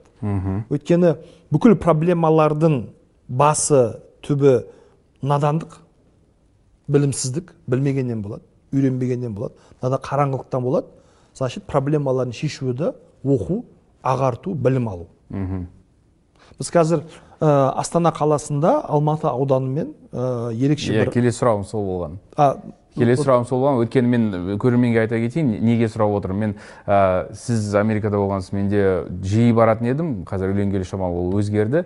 Ә, баратын уақыт жоқ. Бірақ мен байқағаным олар үйленбес бұрын ә, добрачное консультирование деген нәрседен өтеді иә? Тоже, иә үйрену иә? Ә, психологқа барасың немесе егер де сен ә, дінің христиан болса сен өз шіркеуіңе барып өзің пасторыңмен сөйлесесің ә, екі ай бойы үш ай бойы барып дайындаласың сені саған қиын сұрақтарды қояды. Ә, сенен сұрайды осындай ситуация болғанда сен не істер едің деп кәдімгідей ана кейін болатын қақтығыстарға сені дайындайды. Бізде ондай жоқ бізге барлығы үйлен үйлі бол балалы бол күйеу бол әйел бол дейді да бірақ жауап беретін бірде бір адам жоқ. Шындықты айтатын бірде бір адам ата аналарымыз да оны түсіндіре алмайды жеткізе алмайды бізге. Бізде қысыламыз сұрамай, сұрамаймыз. Және де сіз, сіз туралы сіздің жаңа бастап кеткеніңіз ә, оқыған жаңалығым ә, осы астана қаласындағы ал, алматы аудандық ә, загсымен ақаш иә Иә. бөліммен ә, некесін тіркеуге келген жұптарға арнайы отбасылық курстарды тегін өту мүмкіндігін ә, мүмкіндігі жайлы келістіңіздер Иә. иә енді біз барып ә, некемізді тіркейміз деген деген жастарға енді алдын ала осындай ә, нені курсты ұсынасыз мүмкіндікті ұсынасыз Иә. Айтып беріңіз. Бұл қалай келді? Бұл ә, ой және ә, қанша уақытқа созылады бұл дайындық? Ә, тегін деп кеттіңіз. Қалай болады бұл? Ә, бұл ол қайдан келді? Өзіңіз өткізесіз ба? Сіз өзіңіз өзім өткіземін, онлайн? Онлайн? Онлайн Иә. окей аха. Ә, біріншіден идея қайдан келді? Идея мынадан келді. Біз қарапайым ә, аптасына жұмыс сағаты бізде қырық сағат. Аптасына қырық сағат жұмыс істеу үшін біз төрт жыл оқимыз. Бакалавр. Магистратурасы бар колледжі бар төрт жыл оқимыз. Қырық сағат аптасында қанша сағат бар вообще? Жиырма төрт жетіге көбейтсек жүз алпыс сегіз. Аха. Жүз алпыс сегіз сағаттың қырық сағатын жұмыс істеу үшін төрт жыл оқимыз. Енді көлік айдау үшін аптасына күніне екі сағаттан орталама есептейтін болсақ жеті күнде біз 14 сағат машина айдаймыз мхм. Жүз алпыс сегіз сағаттың он төрт ақ сағатын айдау үшін курсқа кем дегенде екі ай барасыз. Мхм. Кейбіреулер алты ай барады кейбіреулер бір жыл үйрене алмайды. Иә. еще имтихан тапсырасыз gai ға барасыз арнайы куәлік аласыз деген сияқты мысалы. Ә, енді аптасына қанша сағат отбасылысыз? Аптасына қанша сағат күйеусіз? Әйелсіз ата анасыз қанша сағат? Барлығы. Барлық? Иә. А қанша оқыдыңыз? Ноль. Мхм. Ә, бүкіл проблемалар надандықтан білімсіздіктен. Мхм. Отбасын жүргізу машинаны жүргізуден де қиын нәрсе. Отбасылы болу. Күйеу әке біреудің бұл бір жұмыс. Больничный жоқ выходной жоқ отпуск жоқ 24-те жеті 365 күн өмір бойы. И оншалықты соншалықты жауапты бір жұмысты біз ешбір білімсіз барамыз да кіре саламыз иә. Бұл не деген сөз? Білімсіз барып хирург болып операция жасау деген сөз. Оқымай көлікке отырып ай мен айдай беремін ғой газды білемін ғой болды баса беремін деген сөз. Аварияның бәрі содан туындады аурудың бәрі содан туындады. Мен маған келген клиенттермен жұмыс істеген кезде өте қарапайым проблемалар өте жай нәрселер өте просто бұлар сәл ертерек біреу бір ауыз айтқанда иә. Е ол жерде былай істей сал деген сияқты. Басқаша шешілетін еді басқаша болатын еді. Қаншама бала әкесіз өспейтін еді қаншама семья ажыраспас еді қаншама адамдар бақытсыз болмас еді. Осының барлығын оқыту керек үйрету керек. Біз онлайн отбасы академиясын сол үшін құрдық. Жаңағы тегін берілетін курс енді жүйелі курс қой иә? Сіз жетілген дайындаған ол дайын ә, ол дайын видео жа- жазылған курс иә. сегіз сабақтан құралады. Сүйікті жар болу өнері деген курс бұл жұптарға арналған курс. Аха. негізі бізде төрт курс бар. Бұл соның біреуі. Иә басты тақырыптары. Басты тақырыптары ә, әйел психологиясы мен еркек психологиясының ара- арасындағы айырмашылық. Ә, сапалы жыныстық қарым қатынастың сырлары ә, жүктілік кезеңіндегі ерлі зайыпты арасындағы қарым қатынас көмектесу келін ене арасындағы мәселе. Қалай реттелу керек? Отбасылық бюджет. Қаржы иә. Қаржылық мәселелер сияқты тақырыптардың барлығы бар. Негізгі керек тақырыптар. Ә, конфликттер қалай шешіледі? Қарым қатынасты жақсарту үшін қандай принциптерді ұстану керек өмір бойы? Соларды үйретіп қоямыз береміз. Ә, әрбір сабақтан кейін тапсырмалар бар кураторлар қадағалайды кері байланыс беріп отырады тексереді. Өткен адамдарға біз сертификат береміз. Неге тек ә, астана қаласындағы бір ғана ауданға онлайн болса неге бүкіл қазақстанға ұсынбасқа? Біз мүмкіндігіміз жетпейді. Онлайн ғой. Оны тексеретін кураторлар бар ғой. А кейін қабылдайтын тексеретін иә? Иә, иә. Сіз сабақ өтесіз. зачет па? Зачет? Сертификат просто так береміз ғой. Ондай шарлатандар шығады ғой десе. Түсіндім. Зачет кураторлар бар. Иә. Сіз сабақты өтесіз тапсырманы орындайсыз. Ол тексереді. Все зачет өттің дейді. Бүкіл сабақтардан зачет болса сертификат беріледі. Зачет болмаса сертификат берілмейді. Сертификат беріп айтады қайтадан өту керек қайтадан пока өтпегенше бәрін толық орындамағанша ә, сертификат берілмейді. Сертификат сертификат алған жұптар бізге фотоотчеттарын жібереді андай залға іліп қояды. Ә, мысалға үйленбей жатып өткендер бар. Енді мен свиданиеға барған кезде қыздарға спокойно айта аламын говорит. Мен курстан өттім. Біздің оңтүстікте ә, осындай сертификатпен барсаңыз қалың мал өседі. өйткені қызымыздың бір дипломы бар екі дипломы бар үш диплом деген мал өсе береді ғой. Иә. енді отбасы өмірге дайындық курстан өтті деген сертификаты бар. Вообще топ кете береді. Ә, сосын бұл біріншіден бұл ә, әлеуметтік жоба. Жалпы істеп көрейік қалай халықтың Иә. сұранысы болады ма болмайды ма қызығушылық таныта алады ма. Плюс бір аудан өйткені біздің ну, мүмкіндіктеріміз тоже шектеулі. Тегін ғой курс шектеулі қанша ала аламыз? Біз загстан барып сұрадық примерно айына екі мың арыз түседі екен. Екі мың арыз түседі екен екі мың жұп иә сонда иә екі мың жұп арыз береді бәрі үйлене бермейді арыз береді кейбіреулер А. үйленбей кетеді ой өзгеріп кетеді деген сияқты примерно 500-600 жұп неке қияды бір айдың ішінде 500-600 жұпты онлайн оқыса біздің командамызбен біз в принципе оларды әлеуметтік жоба ретінде алып жүре аламыз дедік потом аудан әкімдігімен меморандумға қол қойдық осылай осындай жобаны іске асырып жатырмыз. Бастап кеттіңіз иә бастап кеттік бастап августтан бері жалпы менің мақсатым білмеймін бұны айту ыңғайлы ма ыңғайлы емес па орын орын жалпы менің мақсатым бұны заңға айналдырып бүкіл қазақстанда курстан өтпеген жұптарға үйленуге мүмкіндік бермеу. О ол деген біреудің таңдауын алып алу ғой. Таңдау қалдырмау ғой. Неге таңдау қалдырмаймыз? Енді свобода воли деген нәрсе бар ғой. Мен үйленгім келмейді. Мен осылай үйлене салғым келеді деген. Ол да біреудің шешімі ғой. Жоқ.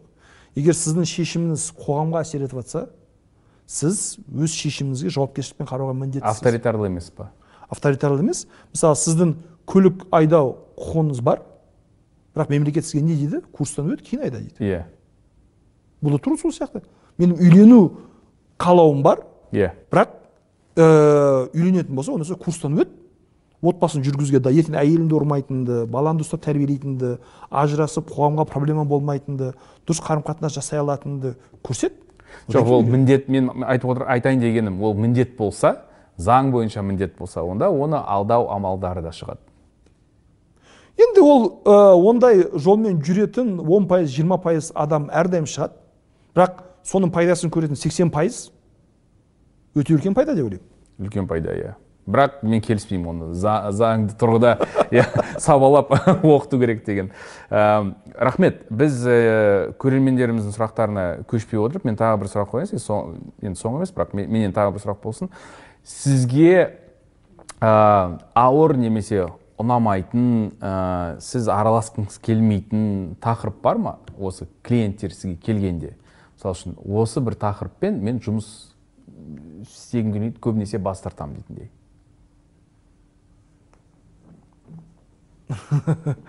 бар? Не тақырып лгбт. А лгбт өкілдерімен жұмыс істемейсіз. Қалай жұмыс істейміз? Ә, бірақ Жоқ, сіз өзіңіз. Өзім иә. Жұмыс істеймін бірақ қатты қаламаймын. Қиын. Неліктен қиын? Олар ә, өкілдер келгенде қандай запроспен келеді? Болғым келмейді немесе ә, болғым келеді бірақ ә, іштей өзімді қабылдамаймын дұрыс сезінбеймін немесе қоғам қабылдамайды. Не запрос? Запрос мынандай ә, мысалға ә, қоғамның қысымы бар.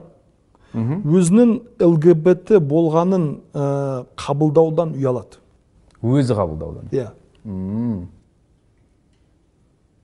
мысалға ә, елу елуден астам жастағы бір ер кісі келді әйел баласы жиырма жылдан бері отбасы тұрып жатыр баласы үлкен 19 жасында баласы бар мысалға.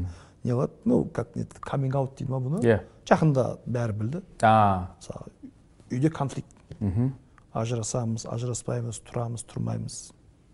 Ә, отыздан астам бір семья келді. Үйленген кезде әйеліне айтпаған. Сөйтіп екі жылдан бері мүлдем жақындаспайды. Әйелі паника бола бастады. Кейін айтады мен сорри мен негізі осындаймын неге менімен үйлендің? Менің өмірімді қор қылдың? Қоғамның қысымы болмасын деп. Ата анам үйлен деді үйленгеннен кейін мүмкін өзгеріп кететін шығармын деді. Мысалға осындай вопростарда нақты методология жоқ.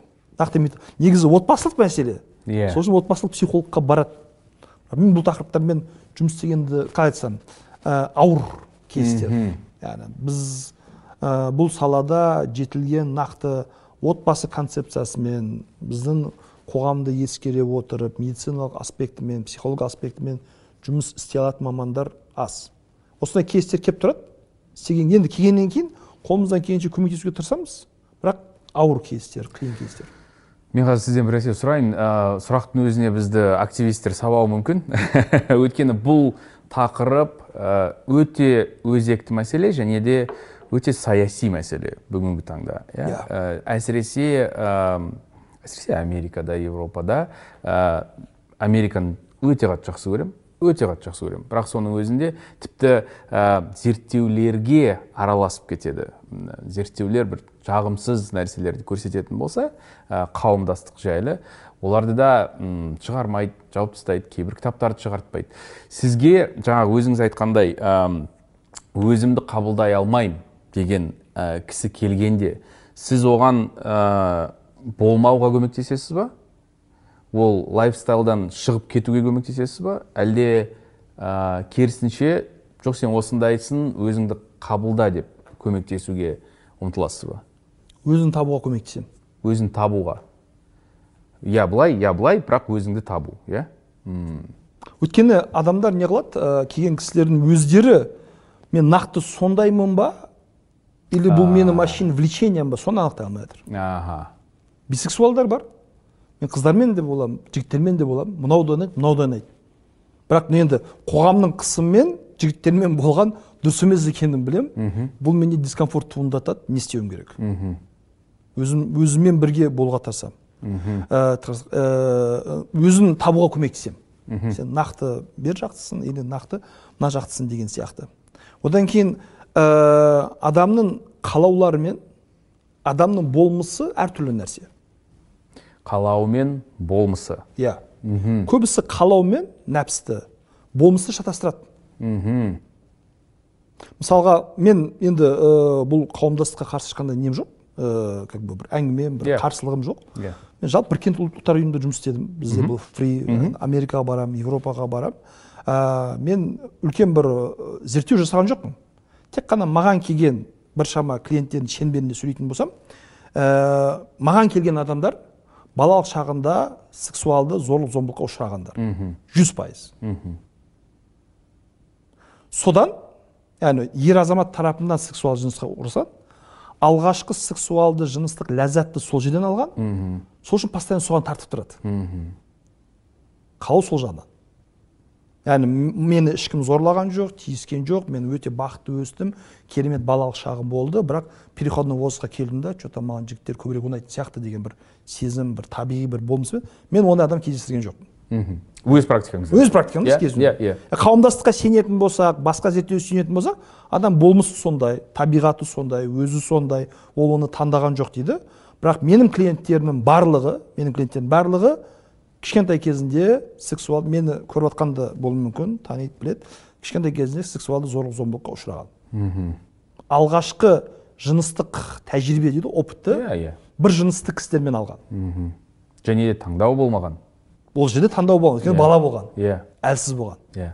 Бірақ соның бір қалай айтсам бір ақаулығы соның бір әсерімен ер азаматтарды қалап тұрады ұлдарды қалап тұрады ұлдарға тартып тұрады. Ұлдармен жыныс қарым қатынасқа түскен кезде өзін более комфортно сезінеді. Сөйтіп айтады. Кейбіреулері тек қана сол бағытта қалып қойған кейбіреулері сол және қыздарды да менде бірге бола береді. Кейбіреулері соған тартып тұрады бірақ мына жерде әйел бала шағасы бар. Ә, былай да былай да деген сияқты. Ә, өйткені андай ғой мысалға ә, мынандай мысал беріледі. Ә, ер азамат үйленеді отбасылы болады. Кейбір кезде басқа әйелдерге қызығушылық түседі. Қызығушылық түседі. Вниманиесін привлекать етеді. Иә. сол жерде таңдау бар. Сенің қалауың сенің болмысың емес. Маған басқа әйел әдемі көрініп жатса басқа әйел қалай айтсам құмарлығымды арттырып жатса қалауымды оятып жатса значит мен осы емеспін. Яғни мен маған бір әйел жетпейді маған оказывается бес әйел керек екен. Иә. yeah. бесеуін сразу беріңдер емес. Иә иә сен таңдаулар қалауларыңды реттеу керексің. Шектеу керексің. Ой ой мен ә, действиенің арасында айырмашылық бар деп тұрсыз ғой иә? Иә сен мынаны ойласаң сен міндетті түрде осындай адам емессің. Емес өйткені сен барып істемедің. Істемедің. Иә істемедің или же істегеннің өзінде өзінің қалауларыңмен жүруге міндетті емес. Құлы емессің иә иә. Мысалы мен отбасылы кейс болған кезде енді сен таңдау жасадың ғой. Иә. Таңдау жасадың. Балам бар семьям бар. Бірақ мына жаққа қалап тұр. Сенің орнында басқа бір адам әйелге тарап тұрады. Сенің орнында басқа біреу адамға ішімдікке қалап тұрады. Құмар ойынға ол қалаулар болып тұрады. Иә. всегда бір нәрсе қалап иә тұрады. иә. Сенің саналы адам ретінде таңдауын әрекетін болмысын не міне менің әйелім міне менің отбасым міне мен мен өз таңдауыма берік болу керекпін бүгін мынаны көрейін ертең ананы көрейін одан кейін мынаны көрейін дей берсең оның шегі болмайды ешқашан оны ешқашан тоймайсың сол үшін келген клиенттермен біз осы бағытта жұмыс істеуге тырысамыз. Яғни бұл сенің қалауың ба таңдауың ба болмысың ба емес па шын мәнінде осысың ба жоқ сен осыған осының әсеріне ұшыраған үшін осындайсың ба соны анықтап білуге тырысамыз. Рахмет. Рахмет жауабыңызға. Бұл как бы ауыр тақырып өте ауыр қиын тақырып, тақырып сіз сұрағаннан кейін айтып жатырмын. Иә. мен бұны қатты ондай бір барлық жерде афишировать ете бермеймін бірақ ә, қаламайтын ұнамайтын ауыр тақырып бар ма? Ауыр тақырып бар. Осы бағытта жұмыс істеу қиын. Түсінікті. Көрермендеріміздің сұрақтары ондай болса иә? Э, работает э, кешіріңіз орысша. Работает ли с мужчинами? Его профиль отношения с отцом это частые клиенты? Әкемен қарым қатынас әкемен қарым қатынастағы ә, ә, қалай айтамыз қарым қатынастың болмауы жақын болмауы немесе иә бір біріне алшақтау ол жиі кездесетін мәселе ма? ер азаматтармен жұмыс істейміз. Ә, балалардың ата аналарымен қарым қатынасы болмауы қарым қатынасы нашар болу кейстерімен де жұмыс істейміз. Бірақ бұл жерде мынаны айтып кетейін ә, бізде мынау ә, ата анамен қарым қатынас мәселесін ә, қатты қалай айтсам драматизировать етілген. Аха. Э, детский травма а тебя побили а тебя поругали а у тебя планшета не было деген сияқты. Қатты қоздырылатын тақырып. Ә, көбінесе ә, клиенттерге біз соны қабылдауды үйретеміз. Бұл болды? Иә. Иә. бұл болды соны қабылда. Өміріне жауапкершілік алмасы алғысы келмеген адамдар өмір бойы әке шешесін кінәлап өтеді да ешқандай жетістікке жетпейді. Жауапкершілік қабылдағысы келеді қабылда. Яғни жарайды жақсы ата ана болмауы мүмкін ұрды үйтті бүйтті окей. Кешір деп жатқан жоқпын. Жақсы көр деп жатқан жоқпын. Өмірінің бір тәжірибесі ретінде қабылда сол шақта тұрып қалма иә? тұрып қалма. Ары қарай. Бүгін әкең жоқ қой. Қазір басынан төмпештеп ұрып жатқан жоқ қой. Қазір саған оқып жұмыс істеп ақша тауып кедергі болып жатқан жоқ қой. В чем проблема? Тұр бар жұмыс істе. Әйелің бар бақытты адамсың балаң бар семьяң бар. Сені кішкентай кезінде иә біреулер жақсы көрмеді бірақ бүгін сенің қасыңда жақсы көретін адамдар бар ғой. Сен ана жерде тұрып қалу арқылы тұрып қалған үшін бүгін мына адамдардың сүйіспеншілігін мейірімін көрмей жатсың мхм. Өйткені мені сол кезде жақсы көрмеді деп қалып қоя бересің. Түсіндім. Рахмет. Келесі сұрақ. Ә, а бұны айтып кеттік иә? Ер баланы қалай ер мінезді етіп тәрбиелеу керек? Ер баланы ер мінезді етіп тәрбиелеу деген нәрсе жалпы бүкіл балаларға мейірім сүйіспеншілікпен қабылдау керек. Жыныстық тәрбие деген нәрсе бар. Жыныстық тәрбие бұл баланың өз жынысын қабылдау өз Білу, жынысын қабылдау иә. білу жақсы көру және соны қорғауды үйрену. Жыныстық тәрбие осыны үйрету керек қыз бала болып тудың ба сен қызсың. Сенің ерекшеліктерің қасиеттерің осы осымен сен әдемісің мықтысың күштісің кереметсің деген сияқты. Адам өмірінде барлық нәрсе таңдау бола бермейді. Кейбір нәрсе біз таңдамаймыз біз осылаймыз. Сен осыны тан- сен осындай дүниеге келдің. Сол үшін біріншіден жыныстық тәрбие өз жыныс, бол, жынысын қабылдауды үйрену Ә, қызды қыз болған үшін өкіндірмеу керек. Тағы бір рет айту керек бұны. Қызды қыз болған үшін өкіндірмеу керек. Ұлды ұл болған үшін өкіндірмеу керек. Ту не үшін ұлмын ұл болмай кетсем ғой деп. Қаншама әйел кісілер айтады мен говорит, өмірі говорит, ініме говорит, қызғанып шықтым. Өйткені оған барлығы кешіреді а мен жоқ жақсы оқу керексің түзу жүру керексің ананы істемеу керек мың түрлі Маған қойылатын талап- та- та- та- та- та. иә бірнеше есе жоғары. А ұл балаға «Е, ұл ғой жарайды мақұл ештеңке етпейді жүре берсін деген сияқты қарайды. Сол үшін қыз қыз болғаннан өкінеді. Иә. Жоқ қыздың қыз ұл отбасылық жауапкершілік. Керек болса үй шаруаларына араластыру керек. Яғни бүгін сен ә, пол жуасың сен ыдыс жуасың. Бүгін сен төсек жинайсың сен пылесос ұстайсың. Бүгін сен шаң сүртесің бәріміз бірге есік алдын тазалаймыз деген сияқты. Тамақ дайындайсың, әртүрлі жұмыс иә. тамақ дайындайсың әртүрлі жұмыстарды жасап істеу керек. Бауырмалдыққа үйрету керек. Ал неде? Ә, андай ер мінез деген жалпы мінезді болу әрбір балаға қажет қасиет. Мхм. Қыз да мінезді болу керек. Иә. Ұл да мінезді болу керек. Сіз ұлды ер мінезді қыламыз бірақ қызды мінезді қыламыз емес. Өйткені мінез адамға өзін қорғау үшін керек өзін ұстай алу үшін керек. Тамаша рахмет. Келесі сұрақ Ә, адамдармен сөйлесуге қорқыныш бар. Үнемі жалғыз жүрем. Қалай арылуға болады? Ә, қорқыныш бар бірақ не ма? Ә, мысалы кейбір адамдар андай проблеманы айтады да. Ә, бірақ бұл проблема сізге қалай әсер етіп жатыр айтпайды.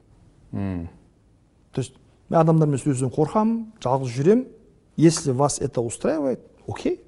Скорее всего сіз интровертсіз интровертсіз а бірақ мен араласқым келеді сөйлескім келеді жүріскім келеді бірақ мені что то сдерживает. Бір жерде бір травма алып қалдым кішкене сенімсіздік бар. соның дискомфортын сезініп жатырмын. Сол маған жетпей жатыр болатын болса ол басқа әңгіме. Сол үшін біз андай кейде адамдар өзін басқалармен салыстырады сол үшін ә, бар болған болмысын қабылдай алмайды. Досым қандай күшті тос айтады қандай оратор қандай осы мен болсам жоқ мен олай сөйлесем мен олай айта алмаймын оның болмысы бөлек сіздің болмысыңыз бөлек. Иә. Оның жұмысы сөйлеу сіздің болмысыңыз мүмкін IT мүмкін сөйлемеу мүмкін өзіңізбен болу. Соны ажырата алсаңыз тогда дискомфорт болмайды. Мхм. Мынаны айтып кеткен сияқтымыз иә? Қазіргі кезде екі ай курс оқып елдің бәрі психолог атану туралы не ойлайсыз? Екі аймен психолог болмайды бірақ екі айлық курспен консультант бола алады. И бұл нәрселерге нормально қалау керек. Егер бір адам сізге сіз білмейтін бір нәрсені үйретіп өміріңізді жеңілдетіп жатса оны төмен түсудің керегі жоқ. Мен мысалға мобилография бойынша курс алдым. Интернет маркетинг бойынша курс алдым. Смм бойынша курс алдым. Былай қарасам қарапайым нәрселер. Бірақ жап жас балдар менен көп біледі. Иә. бұл саланы менен жақсы біледі. Енді мені бір аптада күшті бір маман қылып жібермеді бір апталық курспен мені алдап деп айта алмаймын. Кейде мысалға бір айлық курсқа қатысасың тоқсан пайыз ештеңке алмайсың бірақ алған он пайызды инсайт сені бүкіл өміріңді астына жіберуі мүмкін. Сол үшін білім еңбекке менің ойымша сый құрметпен қарау керек. Екі айлық курс өтіп алып психолог болады деп айтатындардың өздеріне қарасаң сен не істедің? Ол хотя бы екі айлық бір курс дайындады. Ол хотя бы еңбектеді соның бәрін жинақтады. Ол хотя бы өзінің тәжірибесімен бөлісе мүмкін біреуге пайдасы болады. Ешкім мәжбүрлеп жатқан жоқ. А сен не істедің? Сен просто диванный экспертсің. Неге екі айлық курс? Ну қолдан келсе сен алты айлық курс жаса.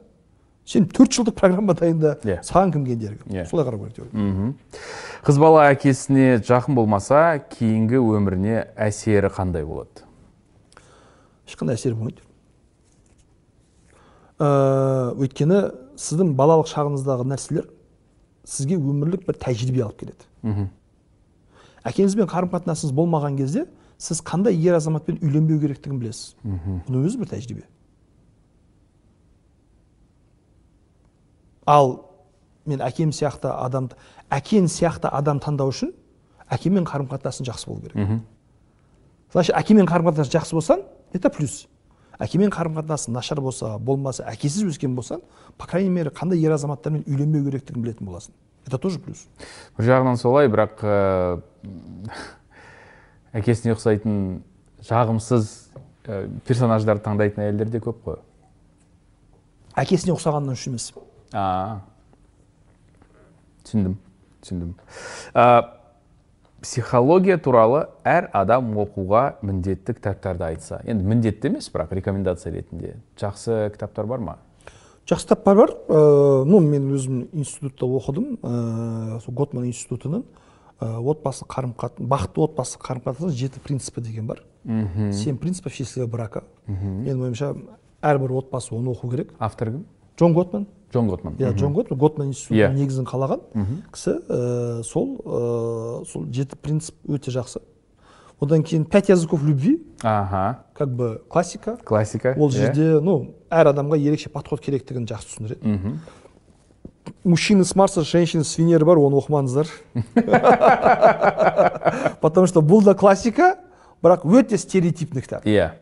Американың өзі психологтар ассоциациясы ол кітапты қатты критиковать еткен. Қатты критиковать еткен. Стендап сияқты. Иә стендапқа шығып оттай береді ғой иә иә стереотиптер қыздар мындай жігер Иә, мындай келін мындай деген сияқты. Яғни оқып қалсаңыз күйеуіңізге не то көзқараспен қарауыңыз мүмкін. Әйеліңізге не то а әйелдердің бәрі осындай екен ғой деген қарым қатынас құрған күйеуді әйелді танығыңыз келсе көбірек сөйлесіңіздер просто и все түсінікті түсінікті. Бүгін құр қол келмедіңіз сыйлығыңыз бар біздің көрермендерімізге. Сол сыйлық туралы айта кетсеңіз а мен шарттарын ай- айтамыз кейін кімнің ол сыйлықты ұтатынын жақсы. Ә, құрметті көрермендер құр қол келмей біз ә, тимур мырза шақырып отыр. Ә, біздің онлайн отбасы академиясының ә, курстарына сүйікті жар болу өнері деген арнайы курсымыз бар. Сол курсқа тегін доступ береміз. Ә, егер тимур мырзаның шарттарын орындасаңыздар соны оқып сертификат алып сіз отбасы қарым қатынасты жаңа деңгейге шақыр- шығару жақсарту және болуы мүмкін проблемалардың алдын алу жолдарын үйренесіз. Ә, ер адамдарға да әйел адамдарға да арналған курс. Ер адам унисекс. біздің, біздің курстар унисекс. Әні. Әйелдерді ғана тәрбиелейік еркектерді ғана оқытайық деген нәрсе жоқ. Ерлі зайыпты бірге оқитын бірге көретін курстар. А әйтпесе ана әйелдерді ғана тәрбиелейік деген нишаны алып қойған біреулер уже. Кірмей ақ қойыңыз оған? Ондай болса шарттар оп оңай. Ә, бүгінгі мына сұхбатты көріп болғаннан кейін ә, коммент осы сұхбаттың астына комментарий қалдырыңыз. Бірінші сұрақ немесе бірінші жазатыныңыз ол ә, бүгінгі әңгіме барысында сізге ең қатты ұнаған тақырып немесе бір ой алған инсайтыңыз. Иә иә инсайт деген очень модное слово. Және екіншісі бұл курс жаңағы табыс етілетін курс сізге не үшін керек деген сұраққа жауап берсеңіз. Сол екі тапсырма. Ал ә, ержан мырза өзі комментарийді қарап оқып маған кейін ә, айтатын болады осы кісіге табыстайық деп ә, берейік деп біз Бірге таңдаймыз. бірге таңдаймыз иә иә сізге сосын жариялаймыз осы комментарийлерде сондықтан да қатысыңыздар. Ержан рахмет. Ә, соңғы сұрағым бүгінге қояйын деген бір осы менің бір септігім тисе менің бір ықпалым болса бір тақырып болса да бір сала болса да не өзгерткіңіз келеді? Біз үшін ә, біздің қоғам үшін қазақ қоғамы үшін ең маңызды сіз үшін өзгертемін деген тақырып. Отбасы министрлігін құрар едім. Отбасы министрлігі. Маркетинг министрлігі дегенді естігенмін өткенде. Бірақ отбасы министрлігі дегенді естімедім. Бұл не болады? Не үшін болады? Ә, өйткені бізде бала бөлек қаралады ә, әйел бөлек қаралады еркек бөлек қаралады. Бірақ отбасы ретінде комплексінде қаралмайды. Менің ойымша отбасы институты керек. Сол кезде ажырасу статистика азаяды.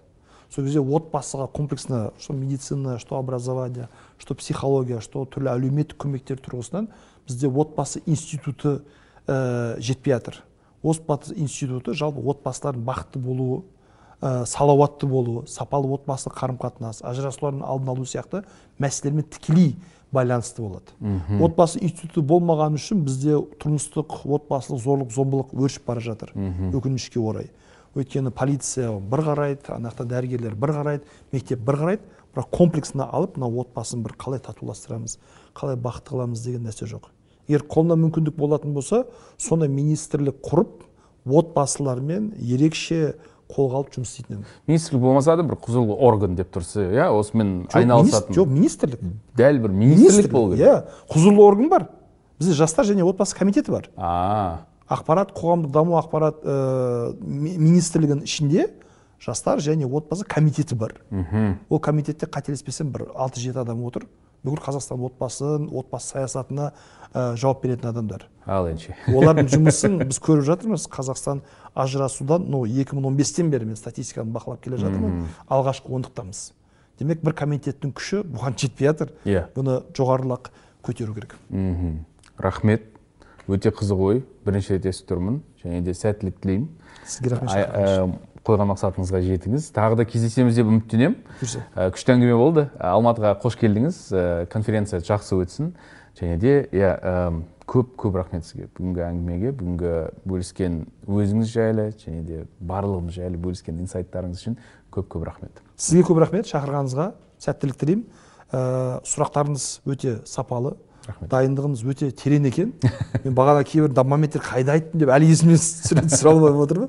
Шын мәнінде жақсы зерделеп келесіз осындай ә, интервью болған кезде сұхбаттасу әңгімелесу ерекше ләззат береді. Уақыттың қалай өтіп кеткенін даже байқамай қалдық. Рас. жұмысыңызға шығармашылық табыс тілеймін тимур мырза көп рахмет рахмет сізге. көп рахмет. Жақсы рахмет. Сіздерге де рахмет. Ә, ұмытпай каналға жазылыңыз комментарий ә, қалдырыңыздар. Және де біздің бүгінгі мына конкурсқа қатысыңыздар. Және де аудио подкаст нұсқаны бүкіл платформалардан тыңдап жұлдызшаларды басып жазылуды ұмытпаңыз. Есімім тимур балымбетов келесі аптада кездесеміз. Сау болыңыздар. Сау болыңыздар.